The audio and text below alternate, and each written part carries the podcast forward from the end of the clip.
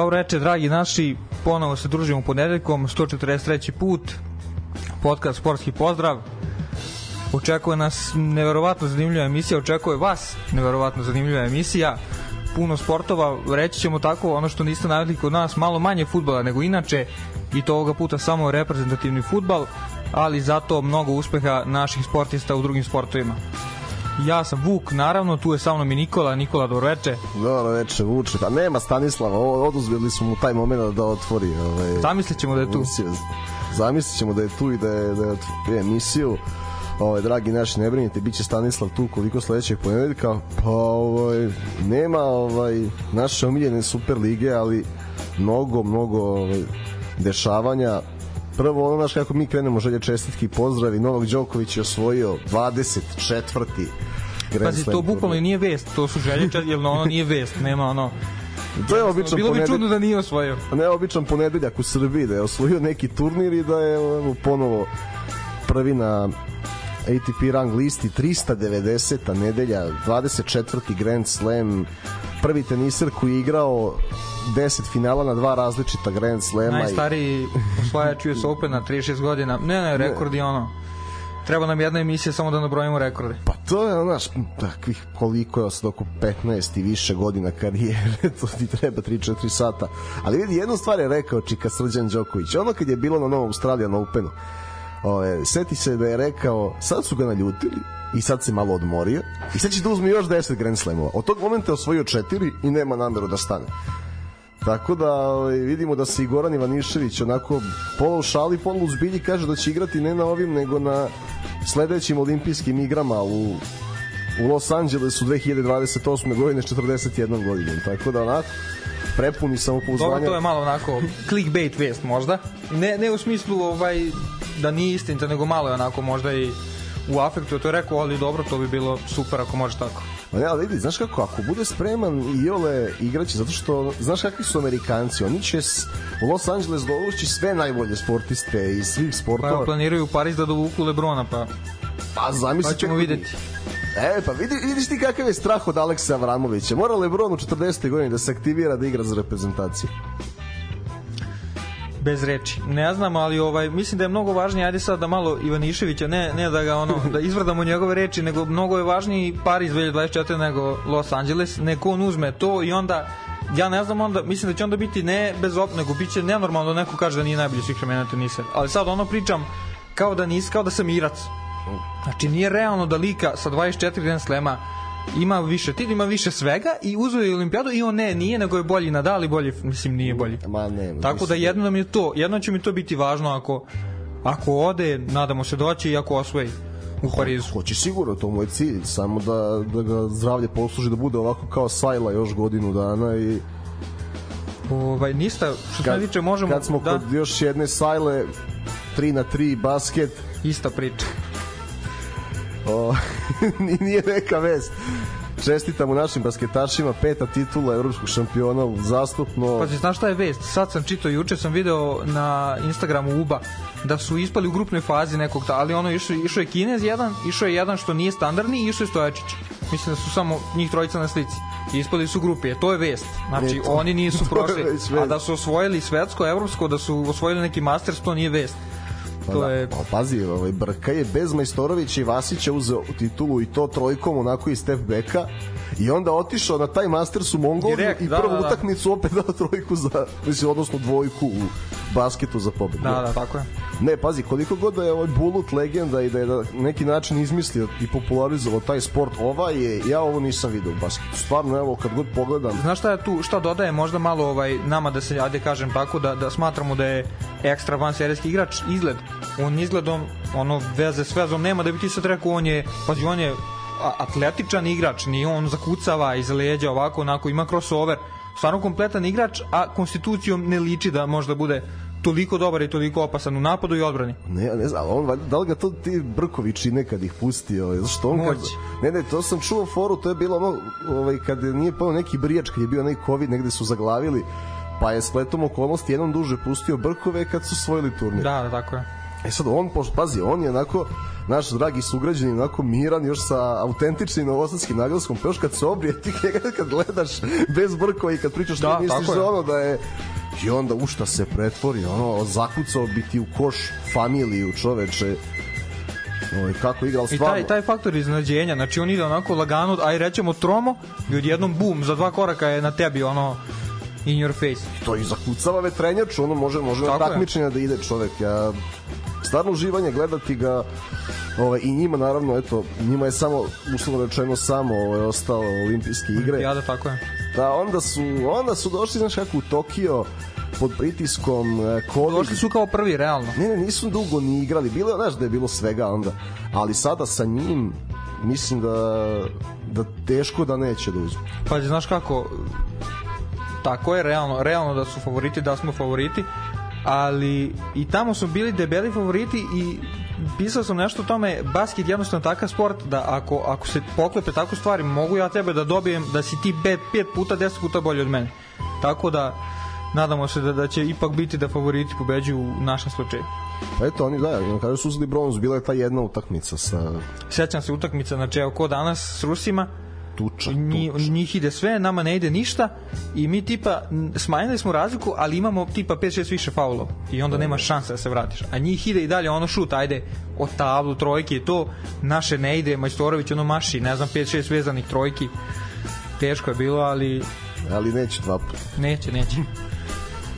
će dva put, što, treba spomenuti, eto, muška odbojkaška reprezentacija je Juče se vladala Češko u mini finala evropskog prvenstva sa 3:0 u setovima. Vidiš lagano. Da, da, e, su e, pravi test. Ovaj stari znanac i legenda Nikola Grbić ovoga puta na klupi Poljske četvrt finale sutra od 6 gledajte, veoma važno i to je, ne znam, jesi, jesi primetio ovaj sistem za olimpijske igre kakav je sad?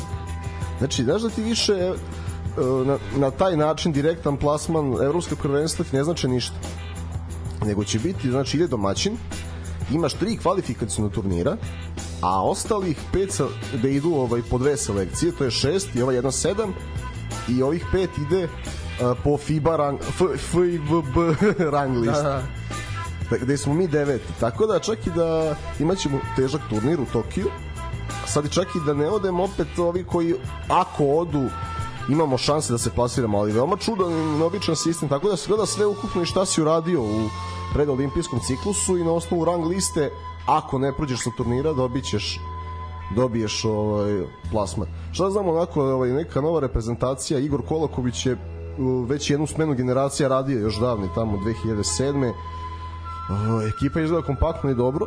Poljska objektivno favorit. Tako je, tako je. Prva, prva selekcija na toj rang listi. I već šta da kažemo se ne želimo sreću ako, ako prođemo onda samim tim iskorak i na rang listi veća šansa da Pa ne, naravno, ajde sad ponovit ćemo možda reči nekih selektora iz drugih sportova, ali četvrtfinale najvažnija utakmica realno gledano, jer te dovodi ono preskačeš tri koraka odjednom i jako si blizu medalje Tako da ovaj naravno sreća sreća našim momcima. Teo sam reći kad si rekao novi momci, teo sam reći i Marko Podraščanin koji ne planira da ode nikad u penziju reprezentativnu i ne mora. Kako koliko dobro igra i ne mora. I snimi ovaj kako se zove Atanasijević Bata. Do, Tako on, da... on je mlađi 6 godina, ali Mar, e, Marko stvarno kak, kakva karijera iskreno. On, pazi, ja se sećam... U 2006. reprezentativna karijera. Znaš, samo, samo to treba reći. Znaš da sam našao, ono, znaš, kad, kad se prečišćava, jel, stan, ovaj, našao sam novine 2006. godina i ovaj naslov izgubili set, dobili marka kad smo pobedili Kazahstan 3-1 na svetskom prvenstvu 2006. godine kao Srbija i Crna Gora, zato što smo se tako kvalifikovali po tim imenom, pa je još, i to je poslednje prvenstvo na kojem je igrao Vanja Grbić. Pa ti sad vidi šta je Marko sve prevalio tako evo, je. za, za ovih 18 godina. Tako da, eto, pa Marko da se isto lepo oprosti medaljom sa evropskog i medaljog može zdravlje u, u Parizu. E, sad idemo na malo bolnije teme. To je futbal. pa znaš kako, ajde, ovaj, imali smo sad, uh, plasirali smo se svetsko, pa je bilo kao dobro, ali to izgleda da se ponovo vraćaju neko onako malo ovaj, loši dani za naše ljubitelje futbala, govorim samo u smislu igre. Da, futbolska reprezentacija Srbije je to odigrala ovaj prozor dve utakmice, poraz od Mađarske u Beogradu 1-2 i onda pobeda u Litvani 1-3 izgleda ovaj, da... Ne, neočekivan poraz i očekivana pobeda. Da, ali, znaš kako, više neozbiljnost tog prvog polovremena. I vidiš da je selektor, pazi, da Pixi ne menja pet igrača za dve, za dve utakmice. Ono, vidiš da je bio, bio ljuti, da je dao ovako neku izjavu e, pa ja sam ovaj, bio, vidite da sam sve bio u pravu. Znači, prvo je velika neozbiljnost Lahovića protiv Mađarske. Znači, taj gol je u stvari bio slučajno, a bio je autogol, gde on morao da, da zakuca to mrežu, on je to toliko nonšalantno odradio, pa onda one šanse u drugom poluvremenu, neozbiljno. Još pazi, mi kažemo, komentarisali smo formu Vlekija Milenkovića prethodnim prozorima. Da mu nije išlo i počnemo utakmicu bez njega, ono još gore. Znači, ja više ne znam ko, ko treba da čini tu trojicu pozad. Imaju stvarno velike probleme u klubovima, a pravo ti kažem, ne znam, baš smo onako, shvatili smo ovu grupu neozbiljnu.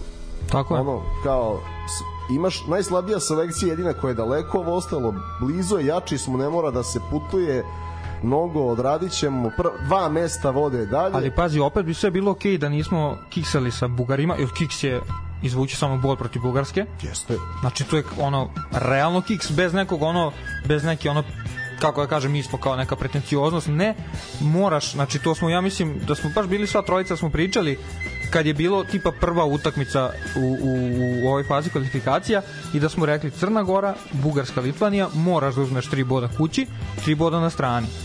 Završio Ti si završio priču i s Mađarima što kažu za prestiž, hoćeš biti prvi, hoćeš biti drugi ili hoće one možda, ali pati, oni su isto kisnuli, ajde kažemo Crna Gora. Znači, Crnogorci mu uzeli bod, ali to ne treba nas da zanima. Mi smo trebali da uzmemo tri boda Bugarima. E, mi smo kao selekcija koja otišla kao prvo grupi s Portugalom na svetsko prvenstvo koja pobeđuje Lisabonu trebali tako da se postavimo autoritativnoj grupi I ne zašto je to bitno, jer mi da smo recimo ovu grupu iskurali sa, do kraja sa 22 ili 24 boda, mi bismo bili u prvom šeširu, znači da da ti se namesti grupa na evropskom onda koju isto ne možeš da ne prođeš, razumeš? A ovako si zakuvao sebi čorbu, unosiš negativnu energiju, gubiš samopouzdanje, zaista, mislim, mi ćemo otići na evropsko ovako ili onako, a jedno, jedino što je dobro što ćemo otići vjerojatno bez neke euforije. E, Tako je, ali to što si rekao, otićemo ovako ili onako, nažalost, u ovom trenutku i to je uspeh Znači, jednostavno, ajde za one koji, mada verovatno svi to znaju, većina zna, 24 godine nemamo evropsko prvenstvo, što je sramotno za ekipu naše kalibra, naše kvaliteta. Tako da ajde, znači bilo kakav odlazak biće uspeh. Ne, hoće, ali kažem ti, brine me tamo, baš smo mislili Znaš, baš verujemo u ovaj domaći teren i ovaj sad novi hibrid na Rajku Mitiću, baš smo mislili da ćemo lako s Mađarima, posebno što se povelo. I onda kao, znaš, oslonili smo se na taj piksizam, na gol više, da ćemo svima, ako nisu Brazila, ćemo dati tri, pa nećemo, ne. Ne, ajde protiv tih, da kažem, Mađarska je ozbiljnija ekipa, naravno, ako pogledamo ove tri, ali treba da brine i ova igra protiv Litvanije, iskreno. Opet, opet, to se slažem u potpunosti s tobom, nonšalancija, nepotrebna nonšalancija, ja. razmišljanje, već smo pobedili, mislim... Opet primljen gol. Primljen gol od ekipe od koje ne treba da primiš gol, realno od koju treba da pobediš, treba tri gola daš u prvom i da završiš priču. U drugom šta si uradio, ali s jedne strane smo uspeli u tome, ali u odbrani mislim da je baš bio Milenković, ona ono katastrofalna reakcija. Ali pazi, katastrofalna reakcija. I, ali i to, i prvo, znači, i bez Milenkovića, ja ne znam ko je gori bio protiv Mađarske. Znači, stvarno nemamo klase u odbrani, jer taj, znaš, ako taj Milenković je mogao da bude to, a nije promenio klub na vreme, Fiorentini kao klubu smo pričali ovde koliko to često ispada neozbiljno. E, i ti Ramadan i igrači tamo. A s druge strane više ne znaš ni koga da staviš. Evo bio je pokušaj sa Gudeljem da se lakše iznosi lopta ni to ne funkcioniše. A on to opet dobro igra u Sevilji tako je. O, ne znam, mislim da ima, znaš ako ima još jedna stvar? E, mi smo ovo sa Pixijem započeli u onom COVID periodu gde je bilo, bio onako zgusnut raspored i ekipe same između sebe nisu imale previše vremena za pripremu i igravanje. I ta improvizacija koju on donao je to samopoznanje je lako prolazilo. E sad, znaš, ako i nas čitaju, mi sad, ovo što smo igrali sa dva visoka napadača, sad svi znaju da su tu Mitrović, Vlahović, lako, lako nas je čitati. Sad opet mora da donese nešto drugo, novo, što će nama doneti donositi bodove i na neki način s druge strane da osigurava ovaj nulu. I pritom je pokušao da osigura u Litvani opet nije uspeo, izašao se samo s Mitovićem, sa klasična tri štopera, sa Gudeljem Milićem ispred, opet ništa, ne znam, mislim da, da on ovaj, možda i taj stručni štab malo ovaj, više drugarski nego što bi trebalo da bude. Ajde, ako hoćeš samo da preletimo ovaj, našu grupu, grupu G, jel stvarno da prelećemo sve grupe, znači Ne, ima, samo ima do ono- J, ne, ne, nema, ne, šalim se naravno, ali apostrofiramo to stvarno grupa, koliko voliš i ekipa, znači ono kad vidiš ekipe, mislim naravno igraju evropske ekipe, ali i rezultate njihove ne znam. Ali evo prećemo našu ovaj dakle kvalifikacionu grupu G. Prvi su Mađari 10 bodova nakon nakon četiri utakmice, oni imaju imaju ovaj utakmicu manje od ostalih ekipa. Mi smo drugi takođe 10 bodova, ali pet utakmica, koliko imaju i Crna Gora, Bugarska i Litvanija. Crna Gora treća sa 8, Bugari drugi sa 2 boda i Litvan isto 2 boda.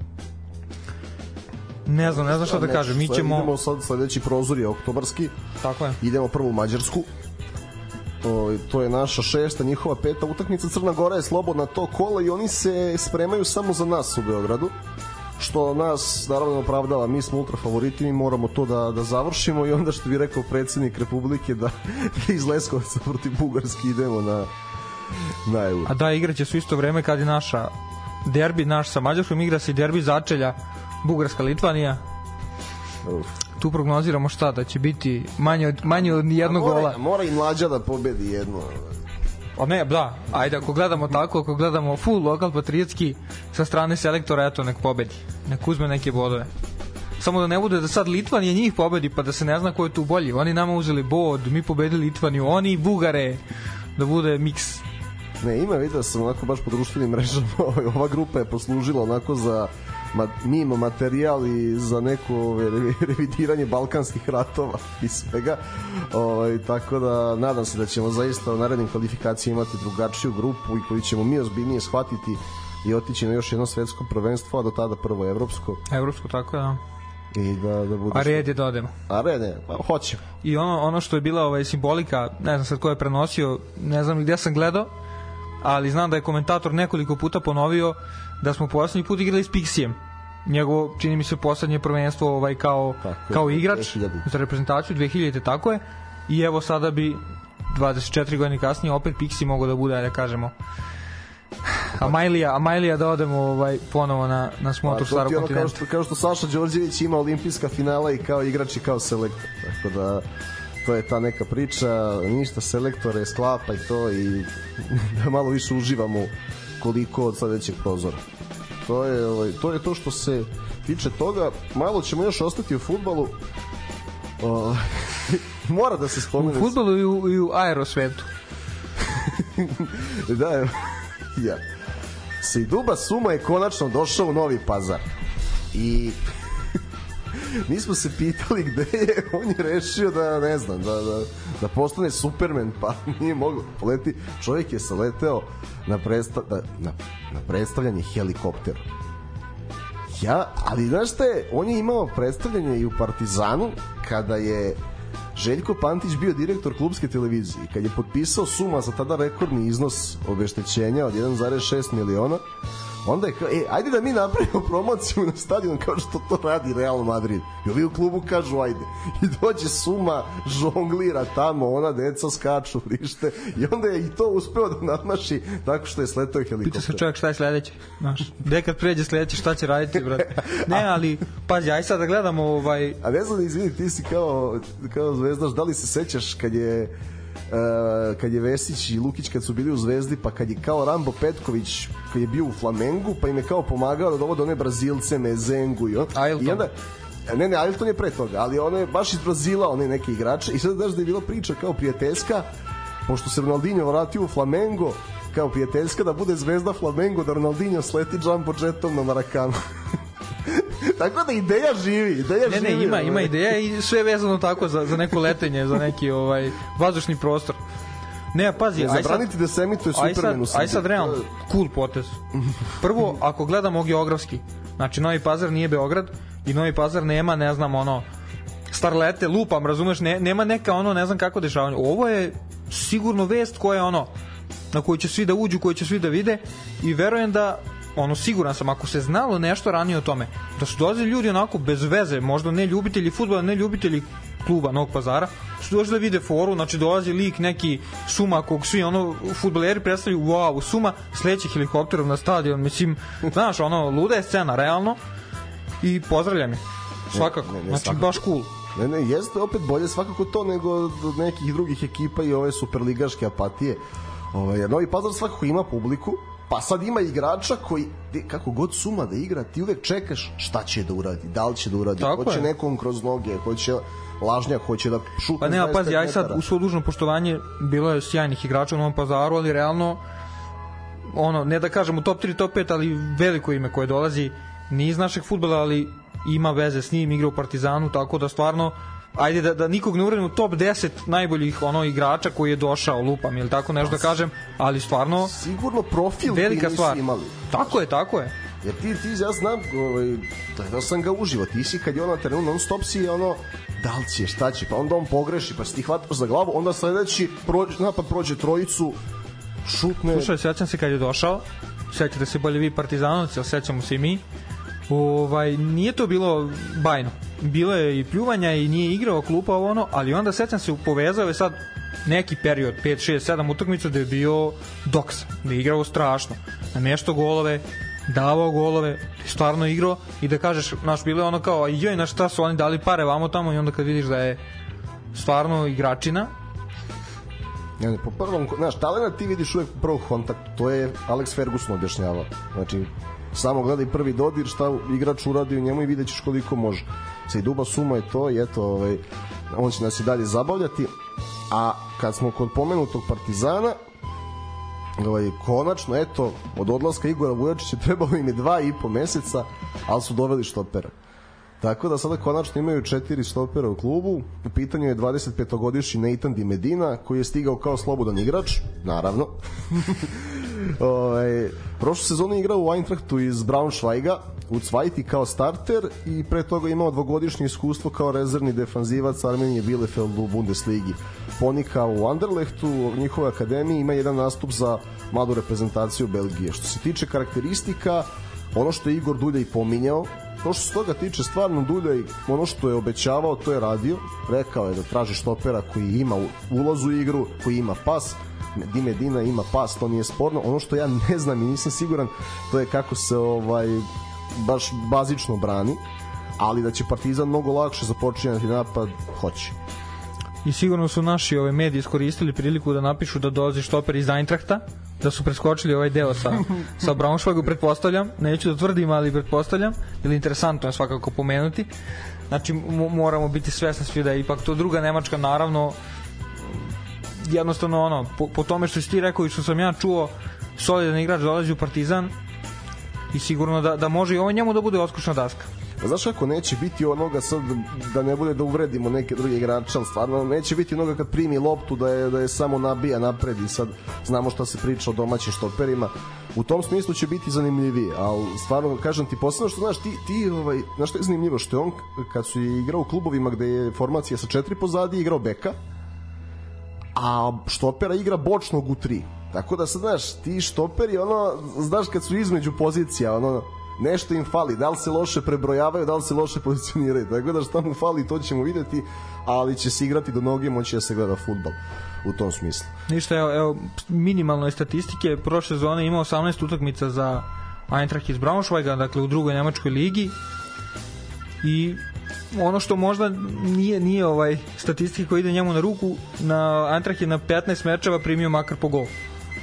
U, tu, u tim periodima kada on bio na terenu, tako da nije možda to baš za pohvalu, ali vidjet ćemo. Vidim. Možda mu bolje leži naš fudbal. Vidi, Partizan svakako prima po gol, pa onda bolje da ima neko ko će da brže započne napad da stvori šansu da da gol, gol više. Tako da, ali dobro vidi, s ovim Partizanom ove godine uopšte nije dosadno, pa neće biti ni sa Medinom na, e, na terenu. Eto, mislim da smo ovako, ovaj, posvetili smo se lepo svima ostalima, a sada ono ključno. Tako je. Vreme, ovaj prešli smo ono najvažnije, najnovije aktuelnosti, ja tako kažem. A sada sledi i u isto vreme rekao bih i interesantna priča, lepa priča, ali eto nažalost sa sa ne najlepšim mogućim krajem koji smo ovaj koji smo zamišljali. završeno je svetsko prvenstvo u Manili, košarci naravno. E, nismo se nadali, realno nismo se nismo se nadali ni mi kao država, verovatno ni igrači nisu imali, naravno oni su imali veru u sebe, ali nije nije bila ta priča, nije bila ta atmosfera. E, ponovo su napravili sjajan rezultat naši momci, imaju ih i prethodnih godina. Napravili su sjajan rezultat, stigli do velikog drugog mesta ako pogledamo sastav koji je išao na prvenstvo. E, velikog drugog mesta na, na svetskom prvenstvu poraz od Nemačke u finalu, tesan rezultat 83-77, jednostavno činilo se kao da su naši ono izduvali, da nisu da nisu ovaj psihički više nisu mogli da su da su ovaj preforsirali možda i pobedama u, u na primjer polufinalu, četvrtfinalu koje nisu bile očekivane, ali u svakom slučaju veliki veliki rezultat.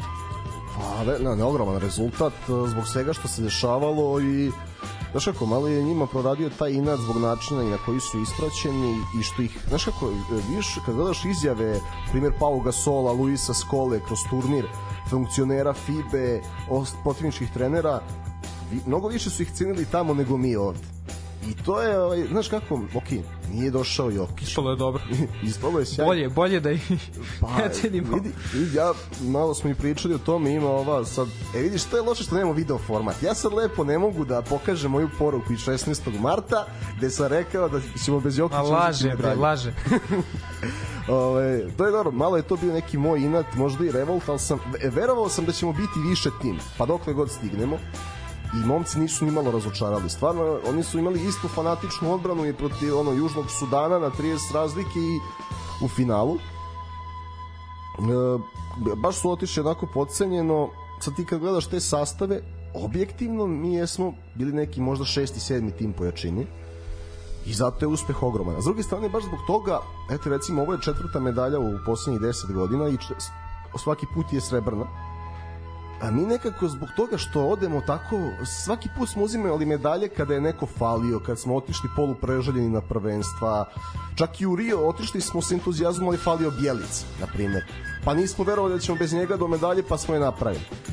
Nekako zbog toga se fokusiramo baš na, zbog najbolju utakmicu kad odigramo u polufinalu. I onda smo za finale uvek nešto fali.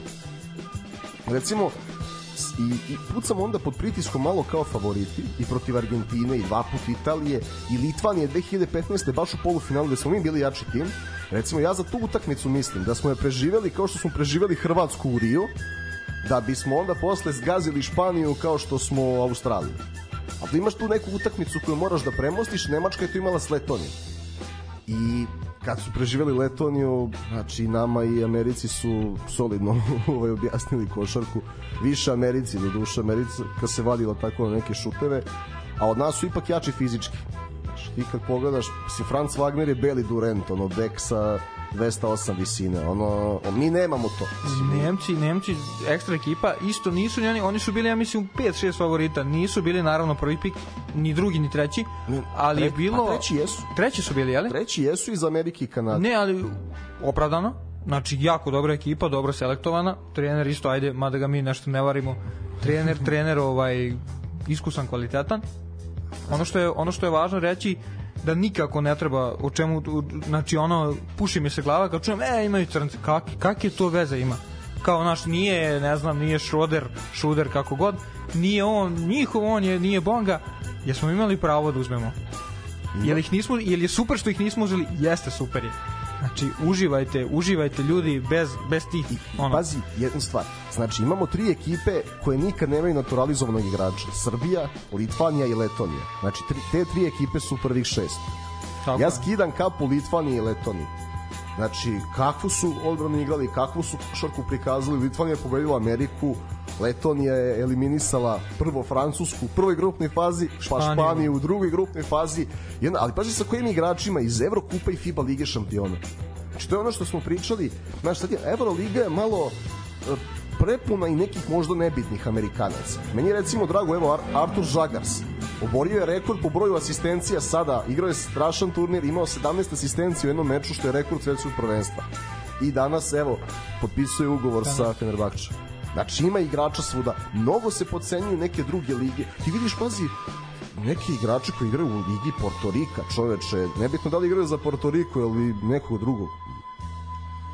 zaista ovaj, ovo, nekako ova reprezentacija su ono, taj nivo fanatizma jer je dobrovoljno i ko dođe, svi se muški pobiju. Nebitno kojom razlikom gube, ti vidiš da se, stvarno nema, nema garbage time u reprezentacijama. Igraju svi igraju do kraja.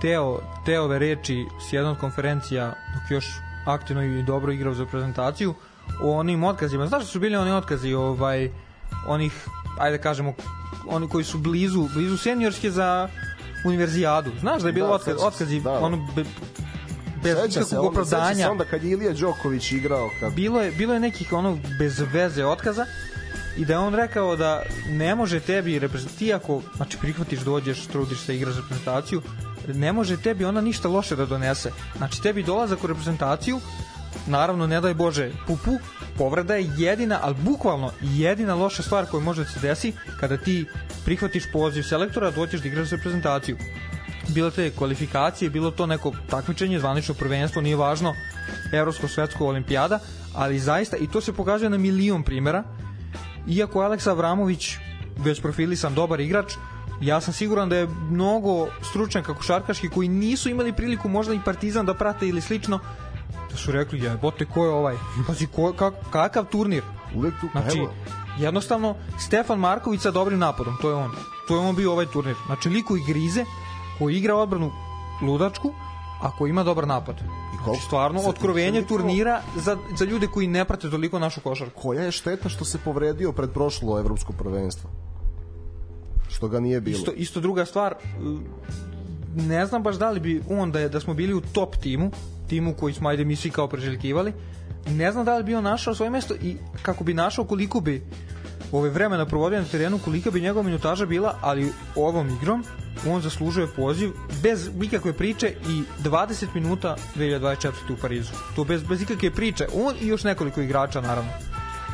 Naravno, i znaš šta je sjajno, E, što mi ne treba ovo da gledamo, naravno, pazi, bili smo na dve lopte od pobede, mogli da se vratimo u meč, sve stoji, ali sad se ovaj FIPA kalendar promenio, otkad je prvo, kad je, kada se izmestilo svetsko prvenstvo, ne bude iste godine kao i u futbalsko, pa je bio COVID, pa je odlučeno da se evropsko igra na četiri godine, u stvari se igralo posle pet. Dakle, sad ciklus izgleda drugačije. Nekad je bilo jedno evropsko, svetsko, drugo evropsko i olimpijske igre kao kruna pa onda uvek idu reseti generacije. Sad je nešto drugačije. Sad imaš svetsko prvenstvo, pa olimpijske igre, pa evropsko, pa godinu pauze, pa onda opet svetsko. Znači, mi mislim da ovo treba da sma, posmatramo kao početak jednog ciklusa gde jedan nukleus ekipe spremamo za Pariz i za sledeće evropsko prvenstvo da napadnemo zlato. A možemo. Znači, mi i Nemci smo se jasno profilisali već sada kao ekipe s najjačim nukleusom za dve godine. Jer uz dužno poštovanje e, ostalim reprezentacijama, na primjer Francuzi su na zalasku koji će znači Znači, kad sam vidio da Batum još igra u reprezentaciji, Pa on se iskreno malo sam se šokirao. Pa na primjer on se oprašta u Parizu na olimpijskim igrama, pa neće biti jedini iz francuske ekipe. Pa će verovatno i Rudi Fernandez i Ljulj tu da su opraštali Svakako, reprezentacije. Znaš, pa da vidimo ko će njih posle da zameni. Tako da mi imamo zaista dobru priču, drugo profilisali smo jedan veliki biser, to je Nikola Jović koji maltene nije u životu igrao takmičarsku košarku. i koji nepravedno nije dobio nagradu za najboljeg mladog igrača. Znači tu tu naravno ajde nećemo nećemo biti ono šabani da mi sad obojica smo na jednoj strani naš kao sad ćemo mi njih da pljujemo. Nema ko da nam odgovori, jeli? Ali ovaj stvarno dobija nagradu Josh Giddy, ekstra igrač Australije, budući NBA All-Star, ako ga već sad neki ne smatraju All-Starom, igrač koji je nosio tu ekipu, ali koja nije prošla u četvrtfinale. Znači, ekipa koja nije ušla u, najboljih osam ekipa turnira je dobio nagradu, ajde, najbolji mladi igrač, Rising Star, kako god zvezda usponu. A Nikola Jović, otkrovenje ne samo za nas, za sve, koji je odigrao, stvarno ono je bila fora kao, nisam više klinac, sad sam već kao amatori, ali bukvalno, imao je, imao je nekoliko ono dečačkih grešaka, neka zapucavanja, bespotrebno i to, ali moma kako je odigrao turnir, zas, ne, ne da je zaslužio nagradu, nego jednostavno A ne, bez, bez, bez, ovaj, bez greške. imati takvu, takvu ulogu u dop, jedino veću ulogu kao klinac da imao neku doprinosu u određene medalje pamtim kod Luke Dončića na Evropskom 2017. Mimo toga za reprezentaciju kažem ti čak ni Rubio nije toliko mogao da igra kao klinac ono znaš tu su ipak bili i Calderon i Navarro i ovaj Raul Lopez na tim sad sam htio pozicijama da kažem Raul Lopez, jebote. Volao sam tog igrača, Ćaćo, da, da, da. to ti kažem. sjajan turnir za Nikola, ali pazi, on je igrao u Megi, gde pritiska znamo da nema, pa onda to u Majamiju gde dobija uglavnom garbage time pa povreda leđa, znamo da nije igrao play-off, iako su svi mi želeli ono da uđe, da vidimo malo kako će ovaj, protiv Denvera, Jokić i Ović i to, e, nije igrao i onda ne znaš što to očekuješ, znaš. Aj, pazite, pritisak stapne četvorke reprezentacije Srbije, to je, veruj mi, gde se pet, da pet godina se traži neko od kad vidimo da Bjelica ne može. I ti dobiješ jedno ovako dete. I vidiš da je dete, mislim, vidiš i po ovim suzama i svašta nešto da... Ajde sad imamo ovaj, naravno Jovića, ali pazi, pazi ti kakve mi igrače još imamo na toj poziciji koji su isto, ajde pazi Pokuševski, koji do sad nije, ali siguran sam da će zaigrati za reprezentaciju kad tad. Jednostavno ja nije, nije se možda ni desilo, naš nije ni bio trenutak ovo ono, nećemo o tome pazi imamo imamo njega koji je ekstra, imamo Petruševa. Imamo Petruševa, imamo Kalinu i Lučića koji su nas Kalina nije Lučić, ajde bliže za, ali koji imaju bar još jednu dobru godinu reprezentacije. Znači koji Bože zdravlje na olimpijadi mogu obojica da se zovu ako sve bude okej okay, i koji su koji znači njih obojica kada su zdravi, kada su spremni su to pet krila krilnih centara Evrope. Ajde više krila, više krila, više krila ali Kalina znamo da može da odigra malo i četvorku, Lučić isto ima ima iskustvo, sigurno. tako da stvarno su ono sjajni igrači. Tako da na toj poziciji imamo, tačnije ajde ako gledamo sve igrače koje imamo, imamo na svakoj poziciji ekstra igrače. I ajde evo, rano je reći, ali jedva čekamo te, te, tu olimpijadu i znaš šta je fora?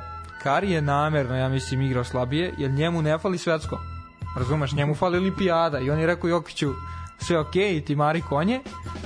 Naredne godine da mi se nacrtaš da vrtiš gume i to, da ja osvojim olimpijadu, pa ima Euroligu, ima Eurokup, ima Evropsko, ima Svetsko, samo fali olimpijada. Je, ovaj, rekao si kad si sad kažeš Jokić rekao si malo presjajnu rečenicu da reprezentacija ne može da škodi pošto, znaš kako, on ima pravo da se pojavi da se ne pojavi, ali meni su manje više od te njegovih odluka mnogo smešniji načini na koji ga ljudi brane.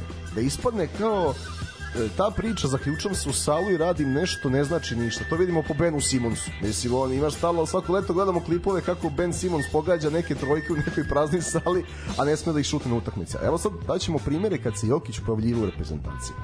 Znači, on je došao 2016. prvi put, pa je nakon te sezone igrao... Jesno, i postao odluč, odluka Denvera je bila ok, imamo novog franšiznog igrača, novu zvezdu, koja se ispostavila kao prava, tako. Pa je sledeći put došao na svetsku u Kini, nema veze, nije bilo uspeha, ali odvojio leto, došao sa reprezentacijom, nije odmarao, i te sezone je postao pravi play-off igrač kad igra onaj bubble, kad je okretao Clippers tri, od 1-3 i svašta nešto i onda se pojavio prošle godine i osvojio prste. Znači, i to sad kad bismo nabrajali za sve velike igrače, vidiš da reprezentacija nešto zato što je znaš kako drugačiji sistem takmičenja jedna utakmica druga pravila eliminacioni sistem. I ti tu sazrevaš kao igrač znaš, i onda se lepo pojaviš tu da vidiš šta ti fali pa se ti onda zatvoriš u salu i treniraš. A ovo i ona ona mnogo važnija stvar ovaj dobro Jokić novo je vreme, moderno je vreme, možda neće biti tako, ja se nadam da, da će biti kako je nekad bilo, mnogo će više ljudi pamtiti ako Bože zdravlje s njim u timu osvojimo narodnom periodu neku medalju daj Bože svetsku i ako osvojimo naravno svetsku ili zlatnu bilo koju prvo će, znači asocijacija Nikoli Jokića kako god završi karijeru NBA a završit će kao legenda, tu nema, nema više ni polemike biće, ej, ali on je osvojio s nama prvo pre prstena i pre MVP-eva, ali to, to je jednostavno tako. Znači, status legende košarke dobijaš igrama za reprezentaciju. I tako će uvek biti, ja, ne verujem da to može da se nešto značajnije promeni. Kažem, ovi sad klinci više gledaju te statistike, ovo ono, prstena. I e, zato je ali... bitan Nikola Jović. Ja bih mnogo, mnogo važnija reprezentacija. Kad vide njega ovako sada, ali ne, on igra dečko 40 minuta košarku i smeje se. Znaš, I, A uživa, vidiš da uživa lig. Da, da, vidiš, i ove, znaš, kao što je uživa dok igra i ovo koliko mu je teško palo, ove suze vidiš da, vidiš šta je reprezentacija. Ja se nadam da će to i povući i decu i sve igrače. I znaš šta je sad bitno? Sad je bitno da i gospodin Spolstra vidi da ima još jednog igrača u rotaciji i da dobije Nikola ozbiljnije minute u Majamiju. I ako se pokaže da to što je odvojio leto za reprezentaciju, da se ispostavilo dobro i za klub, mi imamo mnogo bolju priču. I da Petrušev zaigra u Filadelfiji, to je isto jako važno. Znači, sigurno. Možda, ja bih sad malo da prođemo ovako kroz ovaj naš tim i ove, da kažeš, otpisane zašto? Zato što zaista se malo verovalo u njih, osim Bogdanovića i Milutinova, za sve je bila neka sumnja. Ajmo da ajmo stvari da krenemo ovako kapitena. Prvo Bogdan Bogdanović. Čovek ja ne znam, ta želja da se dođe, da se povuče ekipa, ponašanje, to, znaš šta je najfascinantnije kod njega, što on, ok, daće on svoje poene, ali ne juri da ih da. Tako je. Kad ne mora. Ono, vidiš, ono, prve četvrtini neki recimo pusti drugi da daju poene, on odigra neku defanzivnu tranziciju, uspori kontru i onda kada kapitan postaje prvi među jednakima, sve funkcioniše. Znači, to, to fali Jokiću da on u reprezentaciji ne biraš, ne, ne pravi generalni menadžer tim, nego imaš to što imaš i onda svako mora bar malo da izađe iz svoje uloge u klubu. E, Bogdan to radi, to je Gasol radio, to je Novicki radio. Jokić, ako kad odluči da dođe, mora da izađe iz toga. Znaš, a Bogdan, on nema taj problem, igra odbran, igra napad, čak se možda malo i previše potrošio. Ne znam, sad selektor kaže da je bio i bolestan. A i za Milutinova isto bilo, da. Pa znaš kako, ali sad šta nam to vredi, znaš, jer e, nije bilo priča o tome dok se pobeđivalo. To je jedino, eto, jedina zamerka. Selektor nam malo uvek ima alibi kad izgubi, ali i njemu cela nacija treba da se izvinjava, da doći ćemo i do toga na kraju. Tu znači, bez greške. Znači, ovako, Bogdan, opet najbolji strelac ekipe, najbolji kad treba. Petorka prvenstva. Petorka prvenstva, opet zasluženo. Prošli put imao nagradu za najboljeg strelca, ove godine je to Dončić. E, ali znaš kako, ovo meni, kako je on zatvorio tu Kanadu i Litvaniju, to je onako, ovaj, znaš, sazreo je i on. Znači, ok, svi imamo svoje uloge, ali kad zaista treba, dajte meni, ja ću da završim. I kapitenski, kapitenski baš, turnir. Baš je podsjetio, ovaj, malo je falilo tu drugom polovremenu u finalu, iskreno, ta treća četvrtina bilo je faulovano njemu od lopte. Kako je krenuo prvo polovreme, ja sam mislio da će im 30. Sad, da li je falilo snage, da li je bio taj virus, da li malo taj sudijski kriterijum. Pa, s druge strane, iskreno, strašno ga je Šroder. Mislim da je Šroder bio zadužen za njega u, u četvrtoj najviše. Čuvo ga je na ivici faula, znači sa konstantnim nekim bilo je, ono... Bilo je faulova od lopte, ali Bilo Šuder... je faulova, ali, ali dobro ga je Šuder je veliko ime u NBA, znaš. Šuder ga je dobro čuvao, tu nema greške, strašan defanzivac. Tako da, i na šta je tu problem? E, on ako ne dobije loptu sad ne šutne, on će tražiti drugi napad, a ovaj i dalje radi isto. On ima toliko snage da će on njega 44 napada za redom, da ga pritiska, da mu ne da da diše, bude usko s njim, tako da nije sigurno Bogdanu bilo lako dok ga je, dok ga on čuvao ostaje šteta zbog toga što što nismo videli ovaj neku njegovu onu trojku u, u poslednjim sekundama napada u toj četvrtoj ili naravno na kraju kada je da. najviše trebalo. A nisu mu drugi iskreirali akcije, do, doći će do toga u svakom slučaju ono što je on želeo, što je bio ciljeno ostvario nama doneo plasman olimpijske igre koji su nam zaista nije isto koliko god ovaj svaka čast sad ću malo sad ću malo da ovaj da te tebe da pitam isto pa da onda ispljujem ako ako se ovaj ako se slažemo ili ne slažemo da li je tebi stvarno isto najdraže, što, šta bi ti bilo draže? Znači ovo olimpijada, znači da ti ponude obezbedit ćeš na svetskom olimpijadu ili ćeš osvojiti svetsku? Šta bi prebirao? Pa ne da osvojim svetsku. Zato što ja ne znam za čemu to stalno mi olimpijada. Ok, olimpijada, daj malo lajte s olimpijadom, došao na svetsko da budem svetski prvak, ne da ne, idem na olimpijadu. Neka, znači ne ulazim u to, naravno treba ići na sve. Ali stvarno je bilo, nek mi uzmemo olimpijadu, nek mi ne brate, idemo da budemo svetski prvaci ali njegov, njegov mindset je zaista fascinantan zato što ovaj, teško ga prevedeš dva put jednog preko vode. U kom smislu? Recimo imao je prošlo svetsko uh, ispao je u četvrtfinalu.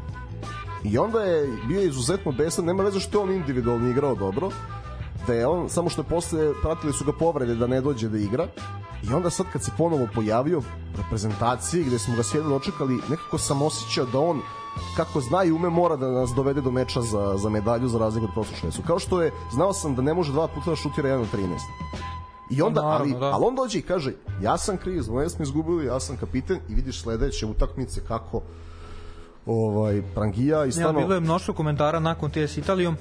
Bilo je, na, na početku je bilo ono malo i žustro, ali većina ljudi koji se razumeju, koji su sportski, ono, koji prate sport, koji vole sport, su rekli ovo će samo da ga ono, samo da ga radi. I ima da bude 10 puta bolje nego što je bilo. Tako je bilo, stvarno je odigrao, posle toga još, još bolje nego što je igrao. Znaš kako, a da ih nije šutnuo, bilo bi sakrio se. Jeste, nema tako, ne, ne valja, pa kod nas je uvek zlu, zlu situacija, misliš šta god uradiš. O, Tako da on je rekao ja sam majke mi srećan što sam ovde, Bogdane majke mi i mi smo srećni što si ovde. I majke mi piće i zlato. Biće da ga podigneš ti lično i ovaj samo eto da zdravlje, koleno to vidimo da je dobro koje je bilo problem.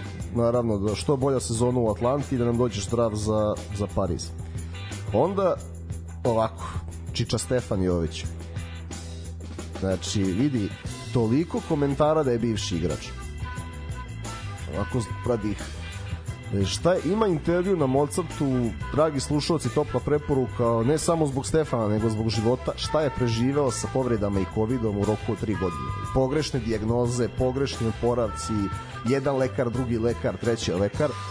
I zašto ga apostrofiram sada? Zato što e, kada je bio onaj prozor koji smo pomenuli pre emisije ovaj sa Turskom i Britanijom i sad znaš da Sukov, FIBA, ULEB nemamo igrače, on je imao klub on je individualno trenirao nešto u Nišu. I Pešić koji, jel možeš? Pa daj da probam. Znaš i odigrao odlično i to protiv Turske ispostavilo se kao ključna utakmica na kraju da da se plasiramo, vratio se tada našao klub, igrao jedan meč nedeljno u Saragosi, nije imao preveliko opterećenje, leđa su izdržala i vidimo kad Čiča zavrti pik da ne, ne, strašan da, igrač. da svi osim Nemački imali problem.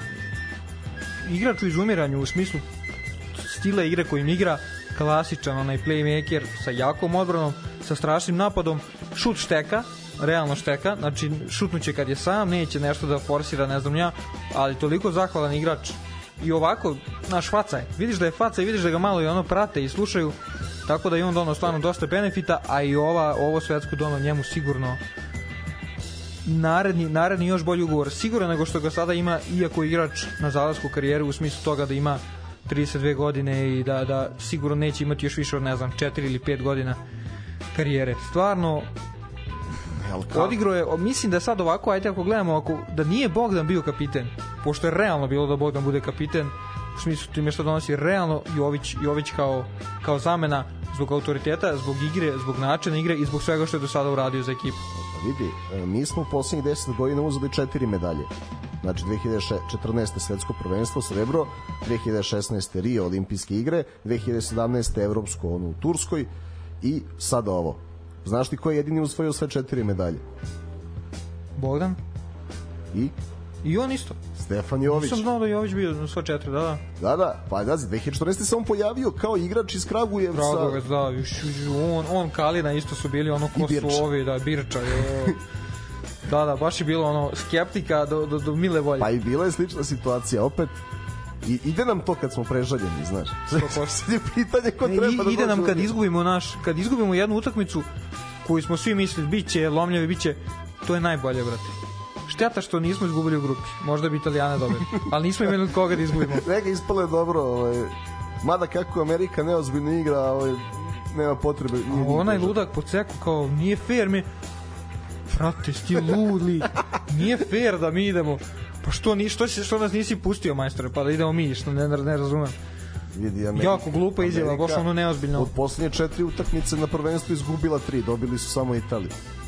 A dobro i ta Amerika to isto, to je tako glupavo urađeno. E, e a ne, ali vidi, Tipa znaš zoni, a pazi Kier, izlazi ti selektor reprezentacije i kaže pa ne može ovako nemo pa je ti branio neko što nisi ti na to mislim jako glupavo ti fazoni i što mi isto, me, da su došli pravi, ne bi mi. Pa ajde nek dođu, pa ne mogu ja da pričam. To ti kao ono kad kažu, što je onaj pričao atletičar, kao naš, pišu im gore da su svetski šampioni kad osvoje NBA. Da, da. Nisu svetski, ali što se meni, nek se napravi meč. Ne kažem, realno bi da bi ovi pobedili. Euroliga, ono, NBA, ali ne možeš, ne, nemoj da lupaš gluposti kao, oni bi nas, Lebron bi Daj dovedi ga, brate, daj dovedi ga da igramo. Dovedi ga da igra sa protiv Španije, protiv Francuske, e, protiv Srbije jesi video danas vest? A ima tu, znaš zašto, da će Lebron možda da igra u Parizu sa 40 godina. I on zove, naš kao, on, on naš koristi odmah vest i odmah ide američki film. Lebron zvao Karija, Kari zvao ovoga, ovaj zvao, znaš šta se oni prave. A gledajte im klupu i onda na klupi su Buker, Lillard, a te konj, a, Vidi.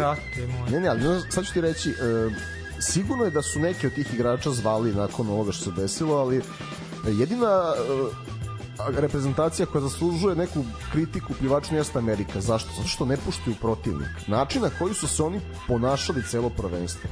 i kad vidiš recimo sve reprezentacije kako izgaraju 40 minuta, pa onda vidiš onog Hameda Hadadija koji zna da ne može da prođe grupu, igra za Iran, izgleda kao da polovini tima može da bude otac, polovini deda. Kako se čovjek bori? Svi. I, šta, I nekad nema veze, ove mnogo veći igrači koji su dolaze da igraju za prezentaciju. Carmelo Anthony, lepo da 37 poena Nigeri za četvrtinu. Zašto? Ljudi, čuvajte me Znači ja sam došao da odigram ovaj turnir maksimalno, a vi ako možete, sačuvajte me. Ne, oni kao nešto, svima misle da će dati poen, koliko god ovaj neko da da, da oni mogu da ubace više, da ne moraju da igraju odbranom, da se spuste u stav i onda im Nemačka strpa 113. Pa i više su samo primili Južni Sudan i Del Porto Rico ili neko na turniru sramotno. Znači, zbog, nebitno što si četvrti, ali što nisi, onako ne poštuješ protivnika, tako to ponašanje. Oni i deo igrača Kanade, ne Šaj, nego ovi Dylan Brooks, eh, Beret, onako baš zato su tako i prošli. I pazi, ali znaš zašto oni gledaj sad oni neće da priznaju Amerikanci sebi da imaju krizu kvaliteta. Oni imaju kvantitet igrača. Ali ako gledaš superstarove na bekovskim pozicijama iskreno ti nemaš tu sada igrače kao što su Kari, Lillard. Znači igrači mlađi od 30 godina. Lillard 32, Kari 35 Durant na krilu 35, LeBron 39, ne znam, Irving, Davis isto prešao, ja mislim. Davis ravno 30, na četvorci. Green, ohaha. Green 33. Clay. Clay 35. Tako je. Znaš, i, i zato oni njih zovu jer vide, znaš, neće da izgubi olimpijske igre. Ja sam siguran sad hoće tačno da igra, ne znam, ali sam ja rekao odmah, vidi, moraju da dođu igrači, znači, koji ovaj, su jaki na polu distanci, koji mogu da se inteligentno snađu po FIBA pravilima, ovo, ovo divljanje od pa, tu imaš nekoliko, nekoliko ono, fakata, jednostavno, oni su bili, Amerikanci su bili i s ovim sedmim timom, nazovimo ga sedmim, lupio sam, su bili Ma najjači favoriti. Tim. Ne, samo da su igrali odbranu. Razumeš? I to pazi, e. imaju, to su igrači koji u klubovima igraju odbranu, koji imaju defanzivne role. Bridges, Bridges I, pazi, bio... igra, igrači koji nisu do sada imali neke velike uspehe, ali igrači koji su solidni, koji su ili all-starovi ili na korak, na stepenicu do all-stara. Ali šta hoću da kažem? Moraju jednostavno, opet kažem, to je toliko pocenjivanje drugih ekipa I to je glupavo, jer pazi, aj sad gledamo ovako. Ajde, ajde ne nekako da prežališ tog Lebrona i to, ali evo na primjer Devin Booker. Koji je njegov razlog da ne igra? Okej, to je, to, to, toliko ćemo razložiti, znaš, kao ono, Jokara fazom, ja bi ga ne igra sa čovekom, možda hoće da oduva, ne znam ja. Ali toliko je to glupavo napravljeno, da ti šalješ bukvalno peti tim iz razloga šta neće ti igra najbolji igrač. Pa mislim, ja sad ne bi lupam, ne znam da li je zvan, ne verujem. Dobro, to kod njih funkcioniše na neki drugi način, sigurno nije to ono ja tebe zvao, ti nećeš, ja hoću, ja zovem ovoga da te nagovori, ali ovaj ako je LeBron bio pozvan sad, ja ne znam da li on bio pozvan. Ne, ne, sad. Ne, ne, ne u fazonu na spisku, ali da li, otkud ti znaš da li, on, da li je ovaj, Kerr imao neke razgovore s Karijem, s Klejom nemam pojma. Znači, ali sad ovo najozbiljnije priča. I ako su oni tad rekli ne, u smislu svetskog, kao to je svetsko, ne bih ni sad zvao. Iskreno, koliko god bilo to, radije bi napravio jaku ekipu koja može da se napravi bez njih, realno, jer oni su na ono, zalasku, i osvojiti olimpijadu, ako mogu da je osvoje, nek dođe s najboljim timom pa da vidimo će osvojiti. Jednostavno je. Ne, njima svetsko prvenstvo počelo da služi od 2006. godine kao poligon za tada igrače do nekih 25 godina koji još nemaju to što drugi imaju u NBA-u, a na olimpijske igre dolaze najbolji. Ali oni su recimo 2006. isto tako pocenili Mislim, pazi, a tad je bio le, mladi Lebron, Wade, mlad, ali već MVP finala i osvajač prstena, mladi Melo, mladi Chris Paul, mladi Dwight Howard, I šta se desi? Dođe Vasilis Panulis, izvrti pik 100 puta i pobedi. Skorcijanitis moćni, bravo. E, i tada je, a zašto je to dobro? Na primjer, Lebron je tada shvatio, aha, nisam se snašao šta je ova zona Janakisova, mi ovo ne igramo u NBA-u, ja moram da radim na šutu. I, i sledeće sezone Lebron ide u finale, e, prvo svoje finale u životu tako što je dao trojku onu Detroitu preko ruke. Ali shvatio posle tog takmičenja nije dovoljno, ja radim na šutu. Ali ovi igrači ne vidim da imaju to. Nemaju, baš nemaju respekta uh, prema rivalu. I posle svetsko recimo 2010. je došao mladi Durant, ali sve pojeo. Znači, kako je on odigrao tu i u napadu i odbrani, bio MVP u Turskoj, Turska je sve pokrala do finala, njega nisu mogli. Znači, koliko je čovek dobar. Tako da pa, neće... Sad, prošle, godine, prošle godine u Tokiju isto suva, ono, suva sila. I to znači, pazi, ono... igrao, e, nemoj da zaboraviš da izašao iz teške povrede. A da su tada, oni su, kad su, kad su shvatili da nemaju kvalitet, da su tri igrača igrala finale i za tri dana već bili u Tokiju. Booker, Middleton Middleton i, i Holiday. Holiday, tako je. Znači, hoću da ti kažem, i oni su zapravo, neće da kažu javno, shvate da imaju krizu kvaliteta. Jer realno, osim tog Bukera, koji je isto malo razmažen, za kog beka ti možeš da kažeš no da je suvak neka klasa na polu distanci, procenti šuta, da mu daš loptu u ruki i da si miran. Isto, isto sad si mi dao ovaj, isto Tetum. Koji je njegov razlog da ne dođe sad sa zvezda je? Kako se Tatum obroko prošlo prvenstvo? Došao je Tatum prošlo prvenstvo. Se sećaš kako je kako ga je Gober zaključio? Isto. Ne, ali razumeš ću ti kažem, jednostavno toliko nekih ono Ove, vidi, ima ona čuvena poteza. ima ona čuvena danas svi igraju fudbal, ja ću reći danas svi igraju košarku. Tako je. Stanislav je bio ono, znaš da je bio kao šta igra Južni Sudan ovo ono. Pazi igra. Igra, igra i što on rekao, pobedio je nekog da bi došao na prvenstvo. Južni Sudan, Razumeš? Južni Sudan ode na olimpijske igre. A Luol Deng tu još gleda da zove neki igrači koji imaju tu... Sad je i to malo politike, Sad znaš. traži porodičnu tablu. ali, ali ovaj, ne, oni, oni gledaju... Pazi, Japan je bez Hačimura obezbedio olimpijske igre i tamo će doći s njim. Znači, neće, ne možeš ni tu da se, da se šetaš ako se... Ne, moraš da se spustiš u stav i protiv njih. Znaš kako je njemu lako, brate? A što se zove, ne važe što je crn. To se Ruha Čimura, brate. Znači ne može niko ništa mu kaže. Šta ovaj jadni Anderson? Niti je dobro odigrao, Preimenovali znači niti je dobro igrao lik, em je crn, em ima to ime. Znači lik ono, ono ne, pravi Chinese. Ne, ovaj, stvarno ovaj, sale od svih ljudi da bar nije nekog poentera našao. Nego Ne, ali to to isto bilo pitanje, realno. I šta je on tipa trojka neka, jel? Pa, ne znam. Brate, zna se šta se dovodi, dovodi se play, dovodi se centar, šta lupaš? Lika je. On je neka defanzivna trojka. On je nešto, pa znaš kako ga zovu u NBA? Slow mo. Imaš snimke na YouTube-u, a mislim on to koristi. Znaš, imaš bukvalno snimke njegov ono najinteligentniji igrač u NBA, najinteligent, zato što on tim tom sporinom, tom svojim ono pokretima te uspori, ali to ovde ne prolazi i nema poene. Ovaj, dobro, da se mi vratimo na, na ove naše, ja ću slobodno reći zlatne momke, ne veze što je srebro. Dakle, Aleksa Avramović. Aleksa. Aleksa. Vidi, to je moja Aleksa. najveća greška u proceni u životu u sportu. Znači, po potpisu Partizan, ja sam stvarno mislio da je to neki ono basketaš iz borca, otprilike, ja se izvinjavam stvarno, ali uvek dobro, uvek je dobro da Željko i Kari znaju bolje nego mi, Da znaju, realno bolje znaju da od tebe. pa, bar Mislim, malo. minimalno, ono, Ovaj, kakav, ka, ali to ne, ali ne samo da je on, ok, svi smo mi znali da je on došao tu da bude neki šesti, sedmi igrač za pegla odbrane, ali on je, on je pokazao klasu napred. O, Ne, ali dovoljno ti kažeš jednu rečenicu. Došao je kao defanzivac, dao 20 pojena u finalu. Razumeš? Znači, to je pokazuje da je spreman za, za baš velika dela. I znaš šta ti je dobro sa njim? Što je on combo back, što recimo ako se pojavi Vasilije, a ja mislim da on je prvi put sad izostaje, mislim da će Vasilije doći u Pariz, e, što ti sa Aleksom možeš da imaš nekako naša reprezentacija je funkcionisala sa dva pleja se dolazi do rezultata. S ne, pa onda beka prebacimo na trojku neka niža postava. Aleksa ti stvarno daje tu mogućnost da kombinuješ mnogo više nego što smo ovo prvenstvo. Jer malo smo im imali ove rotacije na pamet, znaš, prva petorka, pa druga petorka krajem prve četvrtine i početkom druge, pa ovi prva petorka završi poluvreme, otvori drugo poluvreme i tako.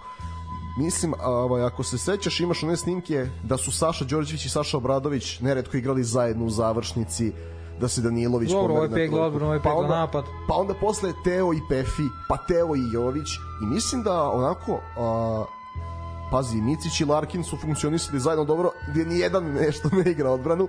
Mislim da Aleksa i Vasa mogu da funkcionišu zajedno, da rasterete Bogdana, ovaj neka petorka sa njim, ovaj to može biti stvarno sjajno za Pariz, Aleks i sve pohvale i ono, znači dao je sjajnu izjavu. To mi se sviđa ne samo on, da su igrači veoma pošteni ovako bili, nema onoga kad si navikao što je obično se prenosi iz fudbala, nema libija nekog. I kažu, ne, mi smo ovaj, svaka čast, izgubili smo od bolje ekipe, ništa sudije, ništa naše povre, ništa, ne, izgubili smo od bolje ekipe, idemo u Pariz po zlato. Aleksa me tu oduševio, ne, i, znači u tom ljudskom smislu. Ja stvarno ovaj, volim ih što su naši, da su, da su ovaj, iz- izgubili od Litvanije. Ma ono bre, ono, ono, ono što, što postoji, od kad sport postoji, potrudi se, odigraj dobro, odigraj najbolje što možeš, to će neko znati da ceni. Budi poslednji, ali da su, da su oni došli, odigrali ovako i bili poslednji, ja sam siguran bio bi doček, ali bez zajebancije, I siguran sam da bi mi isto ovo govorili, mislim govorim Ne, doček, ja bi- ne, govorim doček abstraktno, ne mislim naravno doček u tom smislu, ali razumeš što ću ti kažem, mnogo nama kao narodu, pored onog što Jokić rekao, važne su nam medalje, važan nam uspeh, nije važan sport, važno nam je i to da vidimo da se neko trudi, znači briga me više da li ovo, da li ono, znači oni su pokidali u smislu truda i dali su maksimum. Pa ima ta neka paralela u sportskom društvu Partizan, dečko kome smo pričali, Kristijan Belić u futbalu, koji dobija ovacije i kad se gubi, i ovamo Aleksa Avramović u košarci. I koliko opet vidiš ti to, koliko uopšte sad zapravo nije slučajno, kad je Partizan imao 4-9, pa se vratio Aleksa u onu utakmicu u Istanbulu kad je počela dobra serija kad je izašao iz povrede i kad je pogodio ključna bacanja. Koliko god i Panter, i Naneli, i Lede i sve to lepo, imaš taj ono što zovu glup player, ovaj, igrač lepak, a to je Aleksa u klubu, a postoji u reprezentaciji. I ono, znači, sad i za njegovo zdravlje, pošto je imao nekoliko povreda i jedne i druge šake, isto se molimo da sezona prođe dobro i da ga vidimo na spisku. Onda e, imamo, Dobro, Jović se dotakao, da. pa ne, ne, idemo malo po poziciji, imamo Vanju Aha. Marinkovića.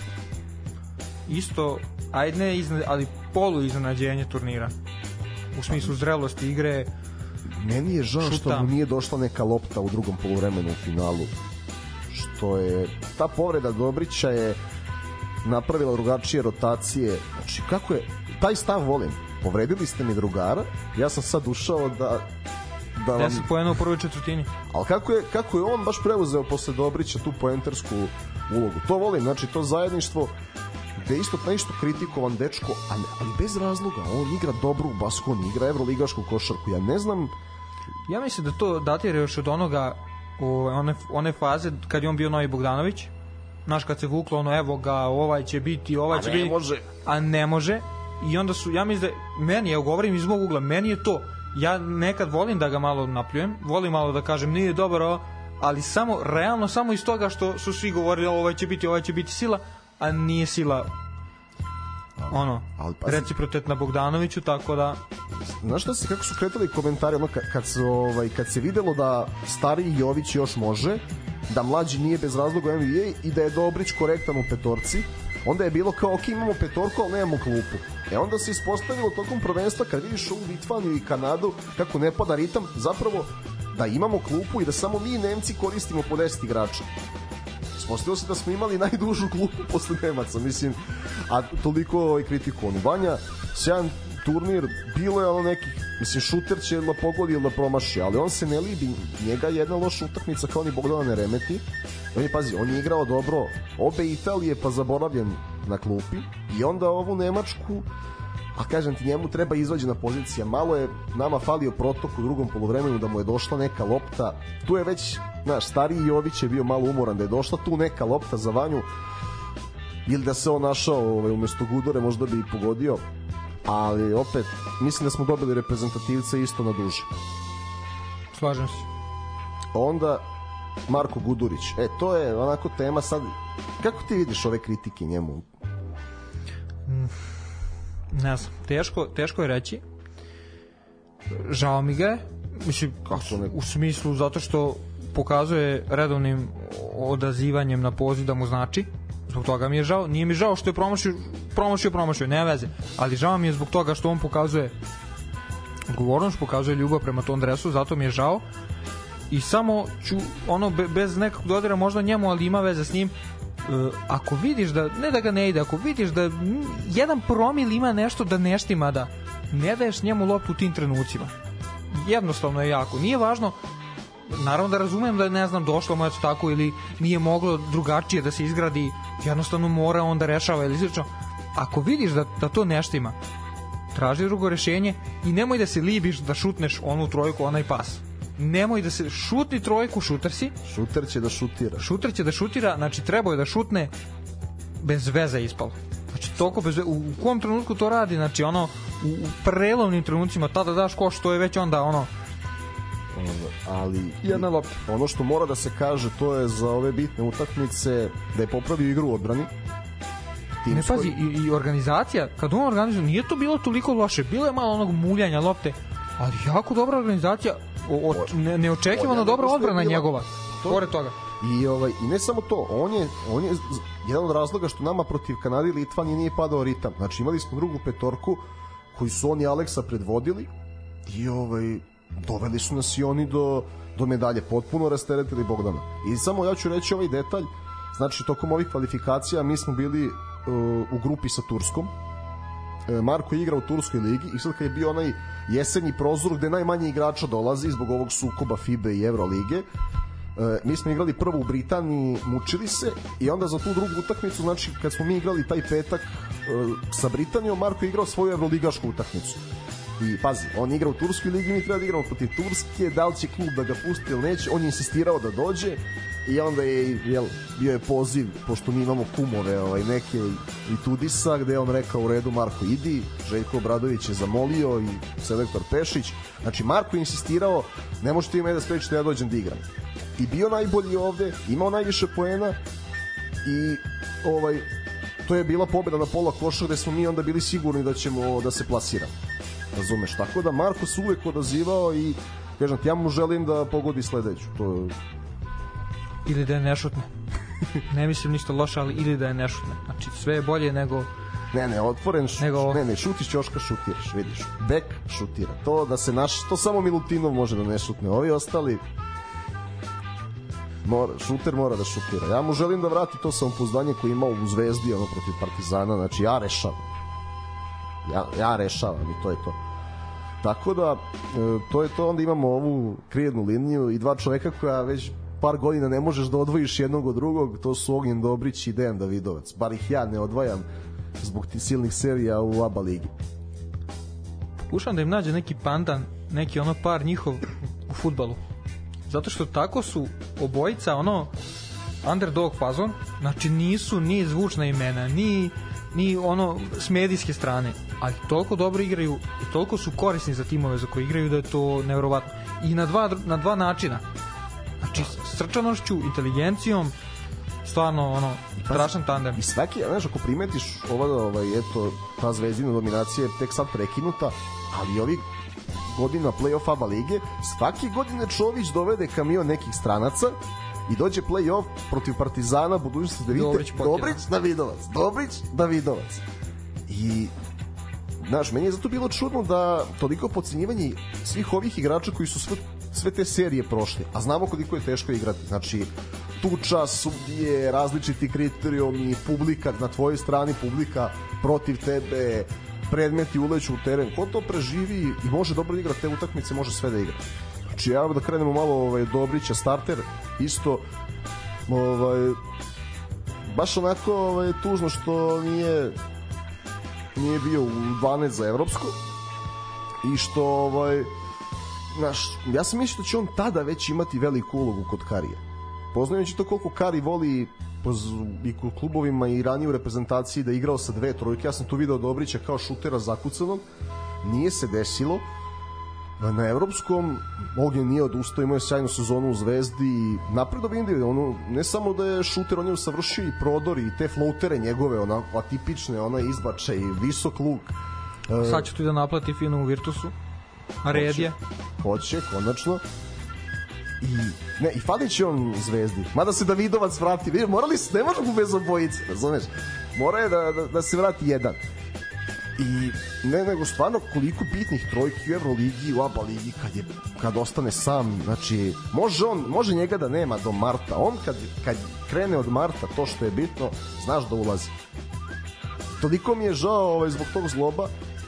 Neću sad šta bi bilo kad bi bilo mnogo veće šanse za pobedu bi bile sa njim znači sigurno jer on bi prvo pa igrač više u rotaciji jednostavno a on bi prvo krenuo da čuva Šrudera da ga malo izmori pa onda Aleksa da, da ga zadavi. Da ga dokreći.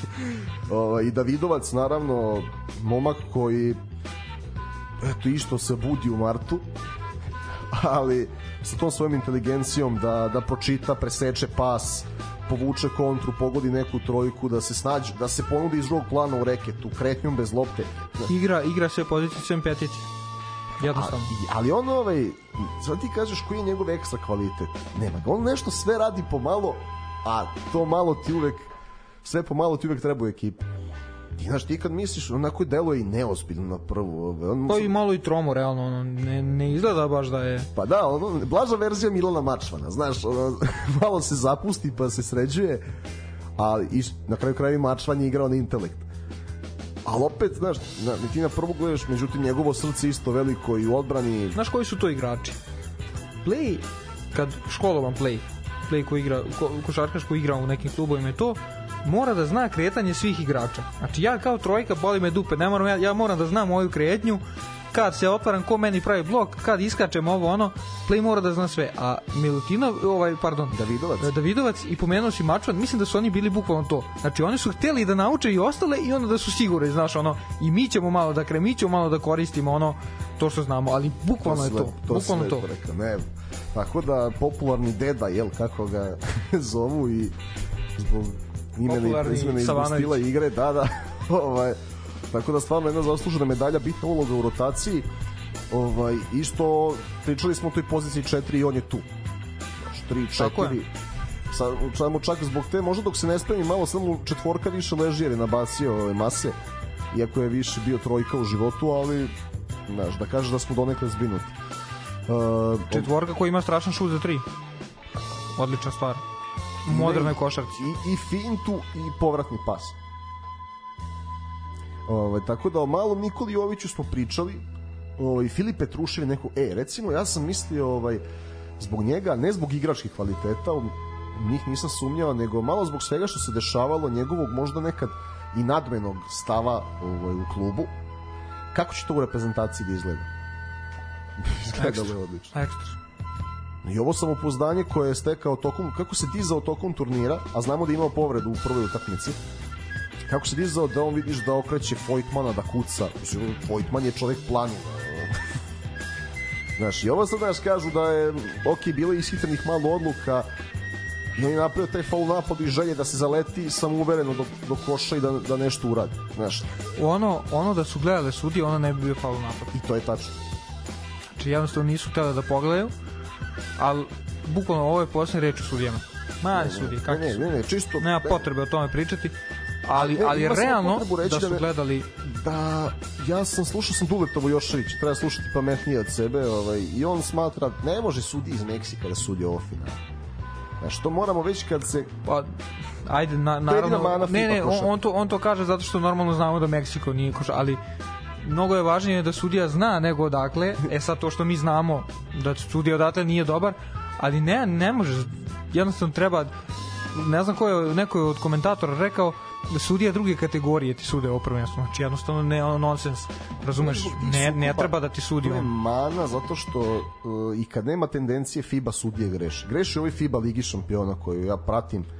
Znaš koje je jedno opravdanje? Realno nisu navlačili tokom govorim generalno, ne za našu utakmicu, govorim generalno, nije tu bilo nekog navlačenja u smislu grešaka na štetu samo jedne ekipe, znači bili podjednako su loši bili za obe ekipe. Znači bukvalno grešili su, da. znaš, nije, ono to je isto taj, mislim da je baš taj sa RTS-a, sa radio kanala radio programa je rekao nemojte se ljutiti, ne greše namerno, već i neznanja. Tako je rekao, znaš, kao pa čisto da potvrdi gledalcima, slušalcima. Znaš, nisu uh, sudija mora da se nametne kao autoritet, a oni su nekako malo uplašeni zato što a to igrači znaju. Igraju mnogo veće imena od njih. Jer ovaj sad, znaš, on sudi, ne znam, sudi iz Meksika, sad treba priča s Dončićem i njemu je frk. To, to je nešto čime FIBA treba da se bavi, iako ja ovde stvarno poštujem ovu FIBA mušku košarku, ali ovaj, da sudije, da sudije istu ne kvare. Tako da, eto, što se tiče Petruševa, dobar turnir, e, sad je za njega stvarno bitno ta igra.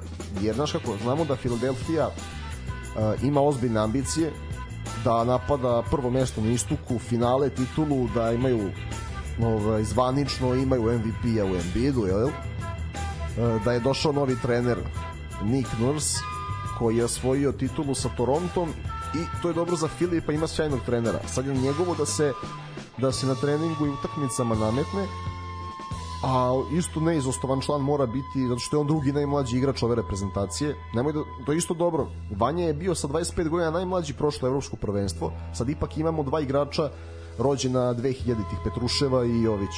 To je veoma bitno. Ja sam se stvarno brinuo ono kad gledaš onaj Petrušev je 2000 godište. Jesi jebaš? Da, da sam da je mlad, ali nemoj da me zadaš. Jeste, jeste. Da. Ju, ju, ju, ju, ju. Kažem, da, zato je to bitno. Sad si mi stvarno, ono, nisam očekivao ovo, bez jebanci. ja sad da me, da me pitaš sad ono, a znaš šta je problem? Ne, nije problem to, nego znaš šta je problem? što ja sam godinu dana stariji od njega, ali imam osjećaj kod ima 19 godina, to je problem. Znači nije, nisam se, sad kad staviš to u godine, znači 24 na 5, nije Forever to, young. to je to, da, ali, ali kad si rekao 2000 godišnje zino sam, bro. Yes. Šu, šu, šu. Dobro, Jović da, Jović izgleda kao da je 2600, da. samo da nije visok. Ali, ali ovaj ne, ovaj... E, Jović stvarno mora da pusti bradu da ga neko shvati ozbiljno. Mora, mora, da. Reću mu ja tako Ako stariji. može, ako da, može. da, O, tako da onda imamo ovu centarsku liniju Nikola Milutinov mi smo malo zaboravili zbog Jokića da imamo mnogo dobrog centra po FIBA pravilu zato što ovde nema onog NBA pravila defanzivne 3 sekunde i onda Nikola može da parira svakom E, eto izuzev finalne utakmice kažu igrao na, na sobstveni rizik apsolutno je nadigrao svakog centra znači ofanzivno i defanzivno Znači, i još je on bio i u CSKA, pa nismo, znaš, nije bio u Euroligi, ovaj, malo smo zaboravili na njega ovako na, na malim ekranima. Ja ne znam. Najkompletniji centar prvenstva. I tuga da nije u petorci, iskreno. Ja stvarno nešto je naš, Dobro, to... mislim da je zaslužio. Znaš kako slaba, slaba jako partija u finalu, mislim, A realno. znam, ali ceo turnir, mislim... Ne, ne kažem. I nismo, siguran sam da govorim i u tvoje ime, ne možemo biti objektivni kad se govore te neke ono nagrade. Ne možemo, evo ko za Jovića. Znaš, iskreno, ne, ja, ja bar lično ne mogu da budem tu objektivan. Ja bi ga naravno isto stavio. Avramović je isto stavio. Tako da, ali ne mogu za- baš svi da uđu u petorku. Da, Avram je mogo da za šestog igrača da FIBA ne daje tu nagradu, a de, za defanzivca turnira dobio Dylan Brooks. Ali sve nagrade su otišle NBA igrači.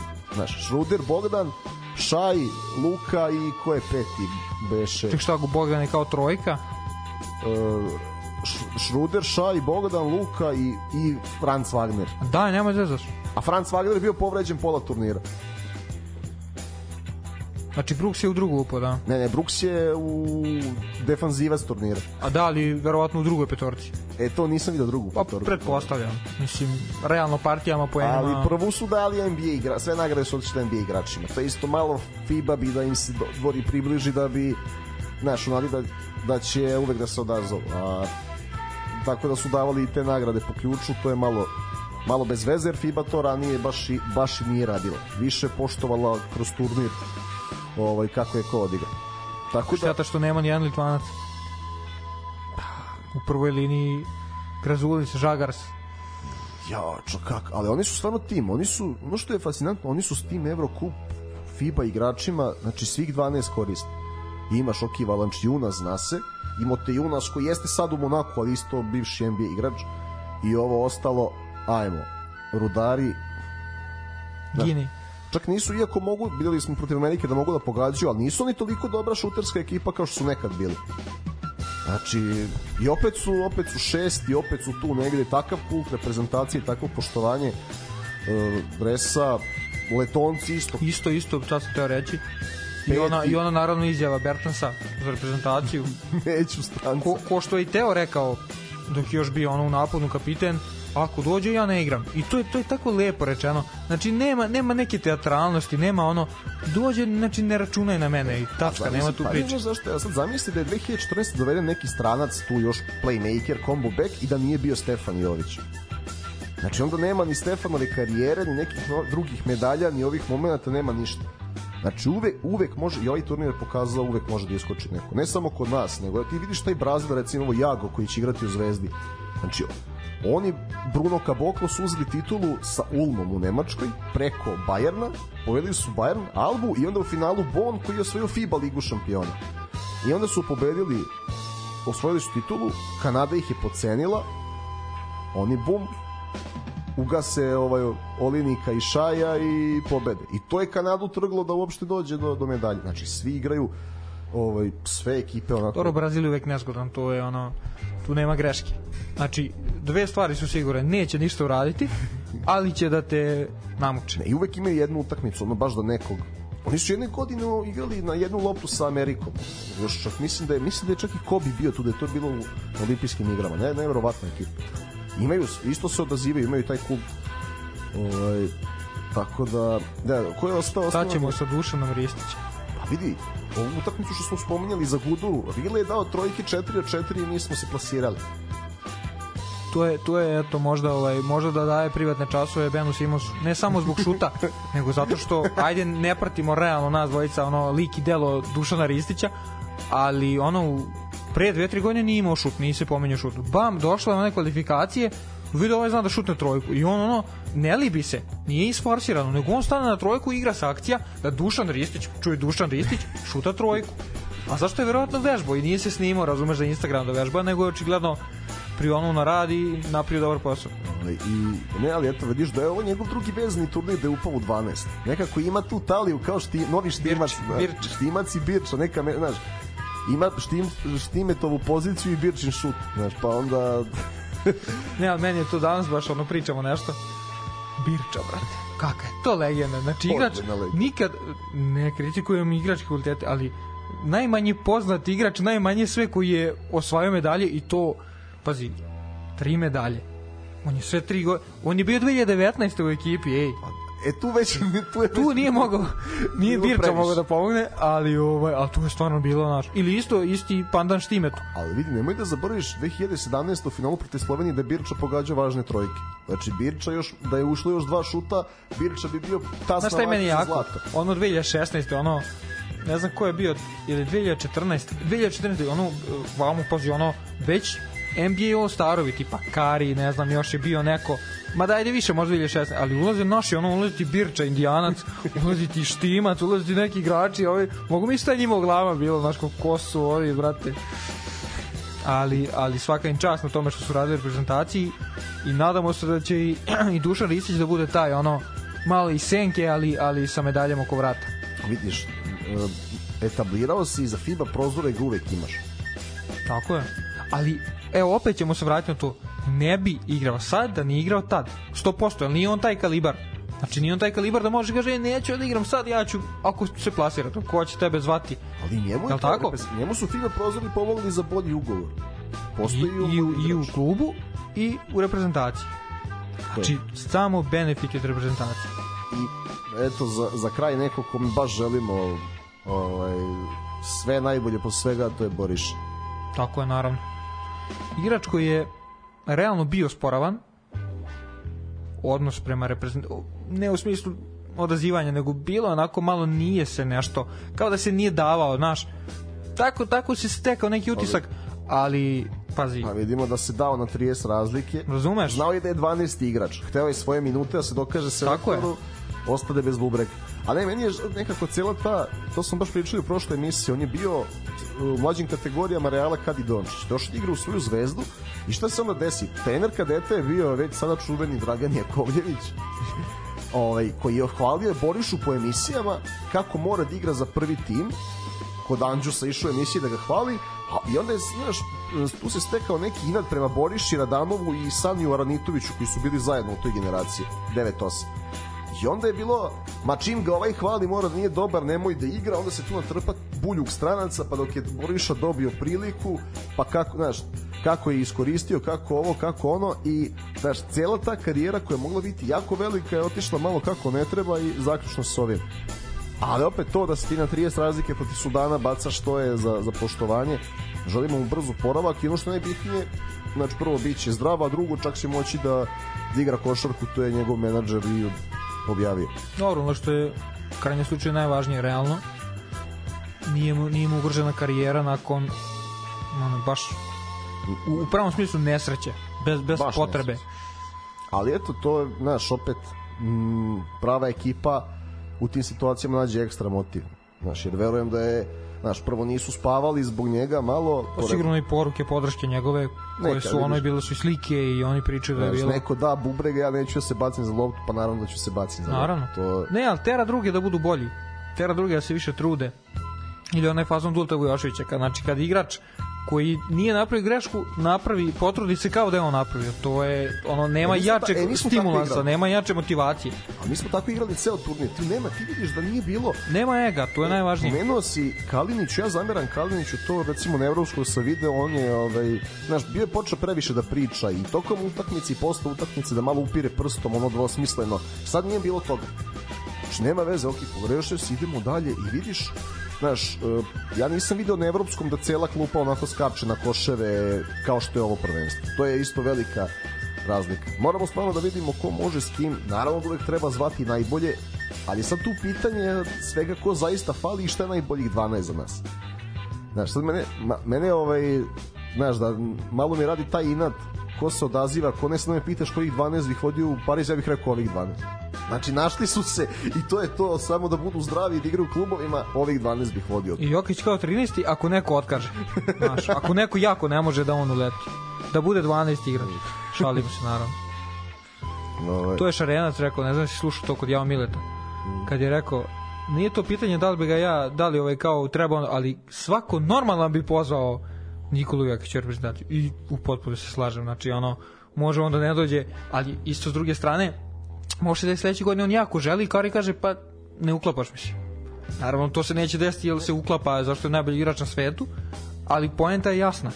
Znači, Ne, znaš kako, moje mišljenje, sad kad gledaš ovako, mislim da će doći na olimpijske igre, a onda na ovo evropsko prvenstvo što se igra, ne znam, po Finskoj i Kipru, gde se već igra, e, da, da tu neće opet doći i da tako ideš u krug. Jer on taman, ako vidiš njegov ciklus, jednom dođe, jednom ne dođe, jednom dođe, jednom ne dođe, verovatno će da se odazove u Rio, ali stvarno je bitno, znaš kako, mi volio bi da tu odluku znamo ranije i da dođe stvarno da bude prvi među jednakim. Znači da se ponaša kao što se Gasol ponašao u španskoj reprezentaciji. Na primjer, ti imaš primjer Dirka Novickog, znaš da za NBA igrače moraju da se plaćaju osiguranje. Dirk onda Novicki, sam plaća, da. Dirk Novicki sam. Ne, vi tamo razvijete košarku po Nemačkoj i vidimo da su je razvili, ja ću ovo da rešim, dolazim sigurno uvek i Pa isto to. ko Pau. Znaš da- Legende, o, legende evropski svetski košar. Znaš li da Pau ima 11 medalja? 11. To je verovatno pola je zlato. 11, pa sad ću ti reći, zlato je, imaš, ima de, tri evropska zlata i jedno svetsko zlato. Znači četiri su zlata, ima dve, ovaj, dve olimpijske, dva olimpijska srebra, jednu olimpijsku bronzu, to je, jel, ima onu Dovoljno za ima, 10 ima dve evropske bronze 2001. i 2017. i ima srebra evropska 2003. i 2007. Ne, ali e, nadam se da su razumeli ljudi ove tvoje reči. Znači, rekao si, sad si rekao, 2003. i ima me 2000, znači dve- 2003. 2017. Znaš koji raspon godina, 14 godina. Prve mu je prva medalja. I on, pa eto, 2001. ali, ali znači on, nas i ono to što, što, reći. što ovaj, svi znaju, verovatno svi znaju, nije Pau Gasol realno, dobro ja nisam sigurno s dve godine gledao košarku, ali siguran sam da nije ni u jednom trenutku bio ono on, do, on je već bio i tad sigurno profilisan i već je tad imao značajnu ulogu, da ne pričamo kasnije i da ne pričamo onu bruku da ti on sa 35 godina nosi ekipu. Ali, ali razumeš što hoću da kažem, znači takva igrača, takva sila. Bruka, to se mislilo da on ne može, to ono 2015. kad je došao, kad je Šta sasuo ono bilo? Francuskoj 40 Osam- polufinala. e, Španija 80, ovi ne znam 75, 40 poena 40. Gasol. Daj mu loptu, on daje koš. Daj mu loptu, on daje koš. Koš faul, faul ko. I to ga čuva Gober, kao koji u tom momentu u Juti kao neki Da, da, defanziv. ne, ono je bilo ono je bilo jeza šta je radio lik. Ne, ne, klasa, klasa, ali klasa i, ali vidiš znaš šta, jesi ga video sada, ovaj, koliko mu je bilo drago što, što smo mi Nemci dobili polufinala, kako kad gleda našu igru, kako klima glavom i smeška se. Jer on, on ih zna tamo i baš mu se, ni njemu se nije svidelo ponašanje Amerikanaca i dela Kanadžana. Tako da vidiš onako Pau iz kola trljaju ruke, smeškaju se što evropljani pobeđuju. Bilo ih je lepo videti generalno i, i Carmela Antonija Mela, koji, da. koji onako gleda kao druže ja sad da ustanem dao bih 40 kao koji je vama znaš Su on povukao? jeste Jeste? konačno Da, jeste, bilo je peripetija. jeste ovaj. Ali pazi on je ovaj, a reci vidiš da i on igrao redovno za reprezentaciju kad ga zovu pazi, igrao je i Znaš šta je kod Mela interesantno? Melo, Melo i posle kad nije bio u 12, on je bio u 12. U smislu, igrački nije trebao bude u 12, realno tamo one 2016, ne znam ja, ali je bio i zasluženo je bio i očigledno je teo da ide i oni su mu se odužili njegovim, njegov, njegovim dolascima prethodnim i dali mu šansu da ide. da, to je kad su ga zvali u Rio Tako Kad se već- to radi, ali tako već- se to radi. i pazi i odigrao dobro u Rio. Odigrao dobro, pa naravno, pa on dobar igrač. Ne ono Nije baš, baš, nije baš ko, ovaj, kako se zove, ko Aleksa, e a vidi sad hoće da zovu Lebrona jer se boje Alex E, a samo ih čeka, bukvalno, ti fazoni, e, ali pazi, ajde naši što, ajde naši majmuni što to govore, oni bi nas, pa daj, ajde, ajde da odigramo, pa daj tu najbolju ekipu, daj da odigramo, nemoj da pričamo bez veze stalno. Zamisli, to ti je ko da sad mi kažemo, ovaj, ajde ne govorimo klubski, nego samo reprezentativno, ko je sad najbolji Argentina? Argentina! 10-0 bi nas dobili. Daj, brate, ajde odigramo Srbija, Argentina, najbolji tim, najbolji tim, to jest najboljih 11, najboljih 11, pa da vidimo ko je bolji. Nek budu bolje, ali ajde se odigra, pa onda da kažemo, onda govorim, oni, bi, oni su nas otkinuli. Ne pre meča, sam sebi skaču stomak, ma e, oni bi nas, naš, i aj, Amerikanci na stranu. To je bilo pre turnira i za ovu Ameriku i za Kanadu i kako nema šta da traži. Znaš, I vidim da igrači spominju to da, da im je zapravo da im je teže palo od poraza u finalu to kako su tretirani bili u svojoj zemlji. Znaš, nisu to rekli direktno. Znaš da je bio onaj mim kao izlajanje na zvezde. Biće vam žao što su nas toliko bedno ispratili, znaš. Pa i treba da bude. Ali mora, znaš, malo smo i mi, mislim, opet, opet je publika nekako najgori faktor. Šta se pričalo posle Italije, to je strašno. Znači, posle Italije te ne valja Bo, Bogdan da ne valja. Čekajte ljudi, pa polako. E, i naravno za kraj gospodin Svetislav Kari Pešić. Znači, ja sam zbog ovog evropskog iskreno posumnjao kako će to s njim da izgleda. Sad kad gledam ove utakmice, recimo četvrt finale i polufinale, ti imaš 80 minuta potpune kontrole, imaš finale koje si mogao da dobiješ, a opet da gledaš 2002. recimo imao, imao jači tim, veće zvezde, i provuko se ludačkim šutevima i protiv Amerike, aj dobro, Amerika, Amerika, i protiv Novog Zelanda gde je gubio 12 razlike i protiv Argentine u finalu. I ono što je zanimljivo paralelno s 2002.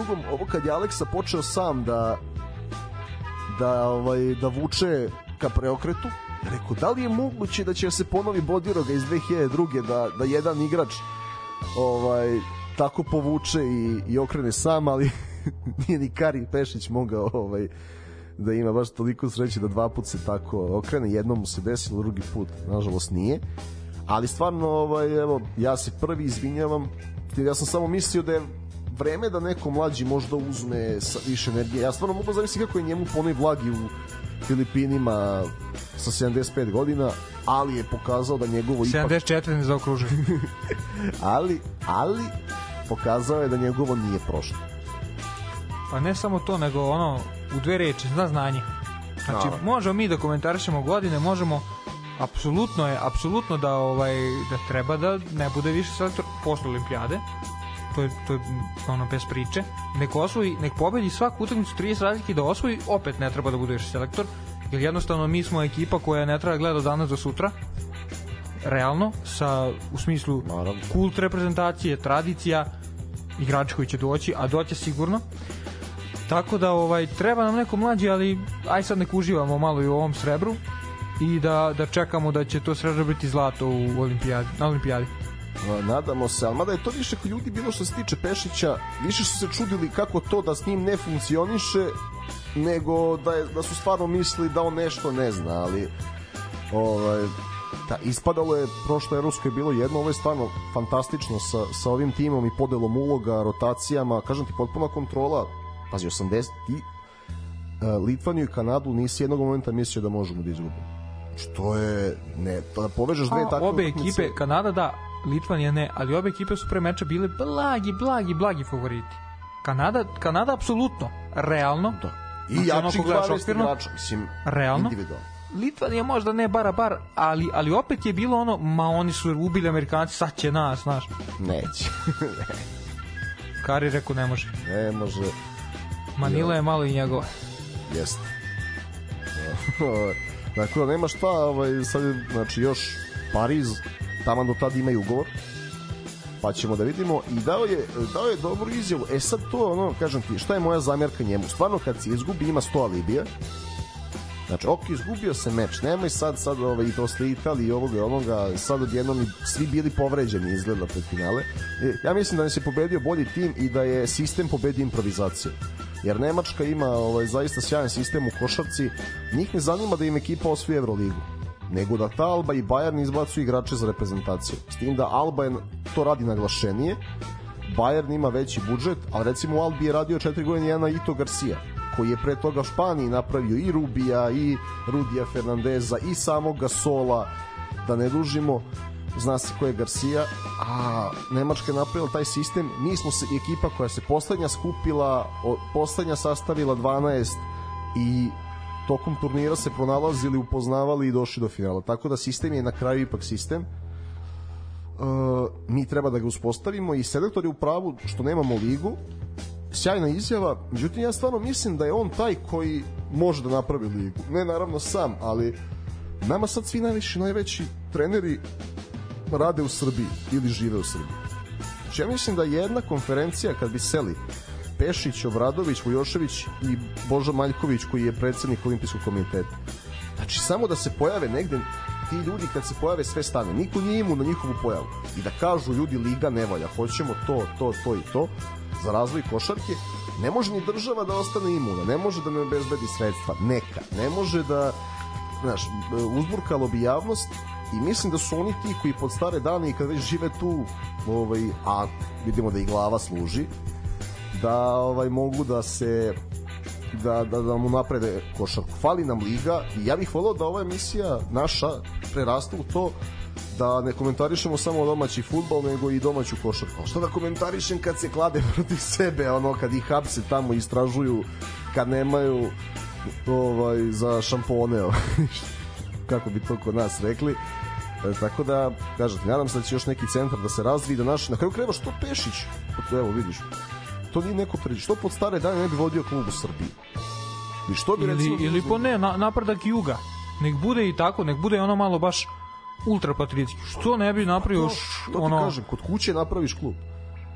Nađeš neke klince koji će, za koje si ti ikona tamo, svi će da... Znaš šta je možda, Piroćanos, brate, neće da pare. Znaš, možda je to, ako je neki klub lični, znaš, možda ne bi dao lovu. Štedao bi loši bi dresovi bili, znaš, ono parket bi bio neki ono druga kategorija. Ne, on treba treba isprovocirati onog koji kaže, nemojte da ja hoćete da kažete ja nisam dao, da država nije dala. Evo vidite šta imamo, ove cifre, ona cifra, pa tamo proizvodi supermarketa i ostalo. O, tako da sigurno može, jer pazi 500.000 evra tebi ovde zatvara godišnji budžet da ne moraš da imaš redovnu platu i da ne moraš se kladiš protiv sebe. Mislim da ovaj 500.000 i dalje mnogo za neki mali klub u košarci, a opet dovoljno da ti stipendijski ugovori razviju mladog igrača i da su stalno, znaš, kad je Željko u zemlji, pa svaki mlad igrač će hteti da igra protiv Partizana, da se dokaže da ide tu i protiv Zvezde. Da igra protiv Partizana i za Partizan. Pa da, ne, protiv, da strpa 20 koševa Partizanu u našoj ligi i da kaže Željko, alo, znaš, vidi me. Tako da mislim da je to ono što je važno, ali to je opet kad dublja tema, najlepše što se medalja osvojila i nisu iste olimpijske igre kad nema muške košarke, bar meni.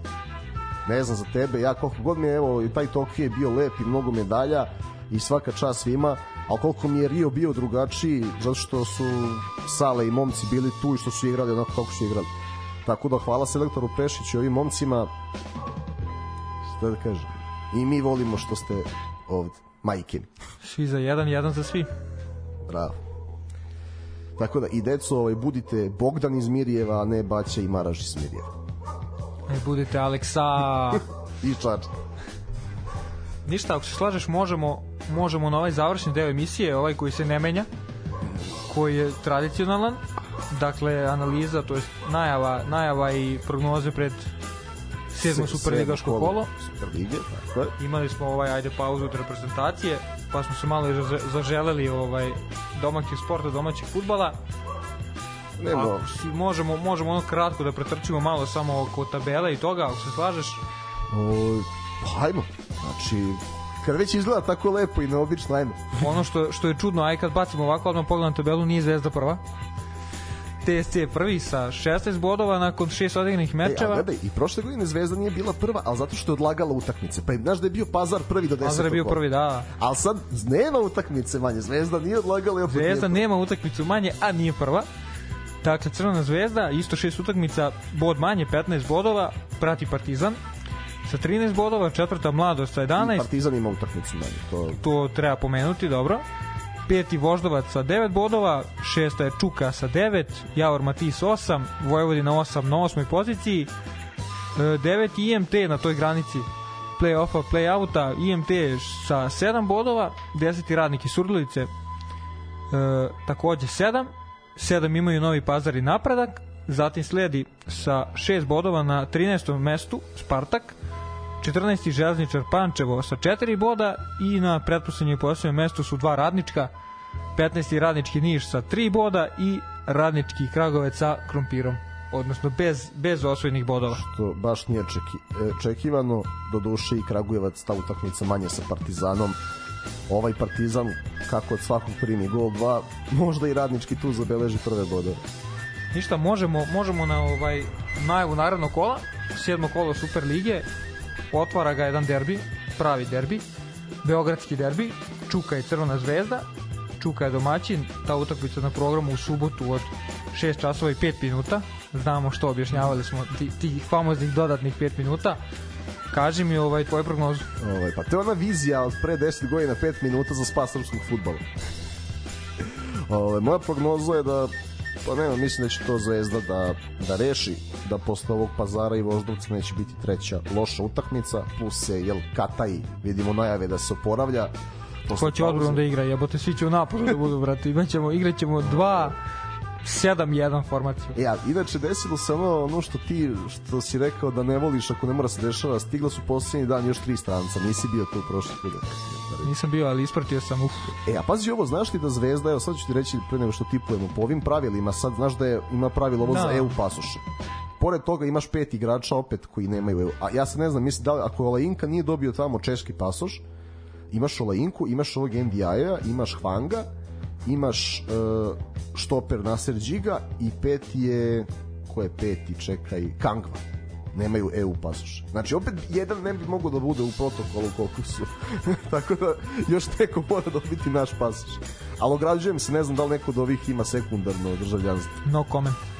Da, znam da si ti ovako, da voliš strance. Božava. Pogotovo u domaćem sportu. Ovaj, uglavnom, dvojka i dvojka i 3 do 5 golova. Ništa ja ću reći x2 2 plus, čisto da bude malo ne, da nije samo čista dvojka. Naredni meč, isto subota, 55 minuta kasnije, znači u 19 časova, lider na tabeli TSC dočekuje Železničar. U, pa to će ovaj, biće to dobro, ovo kako Linta voli da igra, ovaj, biće gledljiva utakmica, ali opet kec. Čist. Čist. Ja ću reći skecov kec. Ipak ono, aj nisu nam nešto, tu, tu su obe ekipe, gledam geografski, tu su obe blizu, ali ovaj, mislim, mislim da će to TSC rutinski da završi. Treći meč u subotu, Voždovac Mladost, takođe u 19 časova. E, da, Voždovac je malo Robin Hood, ovaj, sad pobeđuje ono što ne mora, gubi ono što mora neka bude gol gol ovde. Neću te kopiram, naš, kad smo samo dvojica, kad smo nas trojica, onda ajde kopiraj, ovako neću te kopiram, glupo mi je. Reću, domaći daje tri gola. Opa. Da bude malo i kvota. O, ti baš veruješ u Boru Burmaz. ne, ne znam, nekako ono, čini mi se da mogu ne kažem da, da, da će moći, ali ovaj, čini mi se da, da nije, nije toliko nerealno. Poslednji meč u subotu u 18 časova, u 20 časova 15 minuta Vojvođanski derbi Spartak Vojvodina. Jao, jer Žaković čeka. Ovaj, I to mi je gol, gol 3 plus. Biće, biće lepo. Koliko daje Bolingi? 3 ili? jedan, jedan, ali će biti specifična prosto. Jedan i dva autogola. ja ću reći dvojka gola. Zato što čini mi da će biti, ako gledaš realne rezultate Voša, neće biti kvota tako mala, iako je Voša aj favorit. Neće, uslovno, uslovno rečeno, neće, neće biti mala kvota sigurno. Ništa, ovim smo prešli, dakle, ovaj subotnji deo programa, sledi nam nedelja i ovo što, znaš šta me raduje? Nema ono, ja u petak kreću, pa u četvrtak guča, pa ne znam, petak, pa ajmo u subotu dve, pa ćemo u ponedeljak, pa... Ne, znači subota i nedelja i ćao. To je, to je svakako pohvalno. Jedno ovo što bodevač je ovo 18.05, ali dobro. Premier Liga, Premier Liga. Da, da, cenit ćemo mi sebe više jedno. Da. Ovaj, mogu njima da zakasne, realno koja bi to fora bila, da puste Premier Ligu ono od petog minuta da krene meč. Koga boli dupe za prvih pet minuta, a da naše krene, naš ono, u minut. Ništa, vratimo se, vratimo se u Superligi. U nedelju prvi meč, Radnički Kragujevac, Penjeraš, dočekuje ekipu Javora. U 16 časova. E, pa stvarno je red da Radnički ne izgubi. E sad, uh, neka bude Kec X 1 do 3 gola. Ne znam da li Javor ne igra loše, da li će da bude čista, ali mislim da mora biti bar bod za Radiča. Ja ću reći dvojka. Uh, Bezobrazno malo, ali dvojka. Ostao sam bez glasa. Ništa, druga utakmica, sad kasnije, dakle u 17 časova, Novi Pazar, napredak. e, tu znam, to mi je Kec, pa mora se i Duba to da reši. E. Ko što Proslava neka helikopter kao naš leti nešto. Ne, helikopter pušta se ono helikopter, helikopter, para, para kofer, para. Bukvalno. Boga mi za Ako njega ovo slušate ljudi iz Novog pazara, vidi za sumu tamo ne znam kolika je plata, ali za njihov budžet je to sigurno para kofer. tako 100%, da, da. Kijes go go. Pretposlednja utakmica u ovom sedmom kolu, Radnički Niš, IMT od pola osam u nedelju. A, 3 plus. Lako je s IMT-om 3 plus jebi ga. To sam primetio, samo copate te... ja ću reći kec. Poslednji meč sedmog kola, isto u interesantnom terminu, u Beogradu na stadionu JNA, Partizan Radnik. 19.35. Pazi, radnik ima gol razliku ukupno, ukupno je pet golova i mi palo na šest utakmica. Oni će baš da idu na nulu. A, mislim da će Partizan da dobije, samo ne mogu znaš, to čist kec mi je malo. Aj neka bude neka bude kec, Kec i manje od 2000 navijača. a ne, bit će preko Kec i tuča među navijačima Partizana. To je, a to je mala kvota, nema, to je mala kvota. Ne. O, ne, bit će preko 2000 jer je još uvek toplo. Nego to, to vidjet ćeš, vidjet ćeš u oktobru kad bude ono 1000 i po klasika. Ajde neka bude, uh, neka bude ke, keci 2 do 4 nek bude. Gogo. Mislim da radnik može ovaj Ne, do, došao je štoper. može bar do gola. Ma došao je štoper. Ja, valjda ovi znaju da je došao iz Braunschweiga, nije došao iz Frankfurta. Uh, I šta, napravili smo, napravili smo ovaj pregled. I Dobi. reklo bi se da smo priveli emisiju kraju. Ako Pa. ti nemaš još nešto da dodaš, a nemam, ovaj, eto, razmišljam o prvenstvu, da li sam nekog, neku legendu zaboravio, ovaj, Hadadija smo pomenuli. Marse, Marcelinja u Ertasu. Marcelinho, da, tako je. E, ko je tu još onako bio da kažeš pa ne šta dobro mislim Rudi Fernandez je spomenut ovaj eto Španija je možda izgubila turnir ali dobila Nunjeza naš 2005. godište playmaker na poziciji gde su naturalizovali igrača Lorenza Brauna Znaš, sad se ispade da je falio Lorenzo ili Ricky Rubio, ali već na sledećem turniru Nunez će možda biti taj. I ovaj, to je to, ja sam nekako uživao koliko sam stigao mečeva da pogledam šta kažem, ipak se pokazalo da da reprezentativna košarka nije nebitna i da, da je samo to može da ono prikuje 5 miliona ljudi za ekran u isto vreme. Ne može znači to i reprezentativni futbal i dobro Novak Đoković tako da nije nebitno imamo mi neku obavezu prema nekim legendama. Gledao sam baš pošto smo igrali ovaj jel nije ovo prvi put da se igra u Filipinima ovo nam je druga medalja tamo pa sam gledao ono zlatni momci Mabuhaj Jugoslavije. Uf. Znaš, ono, kad, kad vidiš onako Kića, Moka, Praja na jednom mestu, priča o Ćosiću, koji je igrao, pazi, Krešić Ćosić igrao na 17 turnira. Znaš, šta je to? Mislim, tako da ima tu neka obaveza i kult koji smo uspeli da održimo i jako sam srećan zbog toga. Tako da, to bi ovaj, bilo to svi za jednog, jedan za svi. Mi se slušamo sledećeg ponedeljka, verujem sa Stanislavom, gde ćemo samim tim ovaj, biti i mi još bolji i zanimljiviji. Ipak je, ovaj, znaš, kao što reprezentacija ne može bez Bogdana, ni mi ne možemo bez njega. Tako je. Ništa, to je to. Do sledećeg slušanja vas pozdravljamo. Do sledećeg ponedeljka uživajte i nadajte se novim medaljama naše reprezentacije u svakom sportu, a naravno olimpijade u Parizu i Pešićevih Orlova. Mislite o Parizu, a gledajte Superligu. Pozdrav!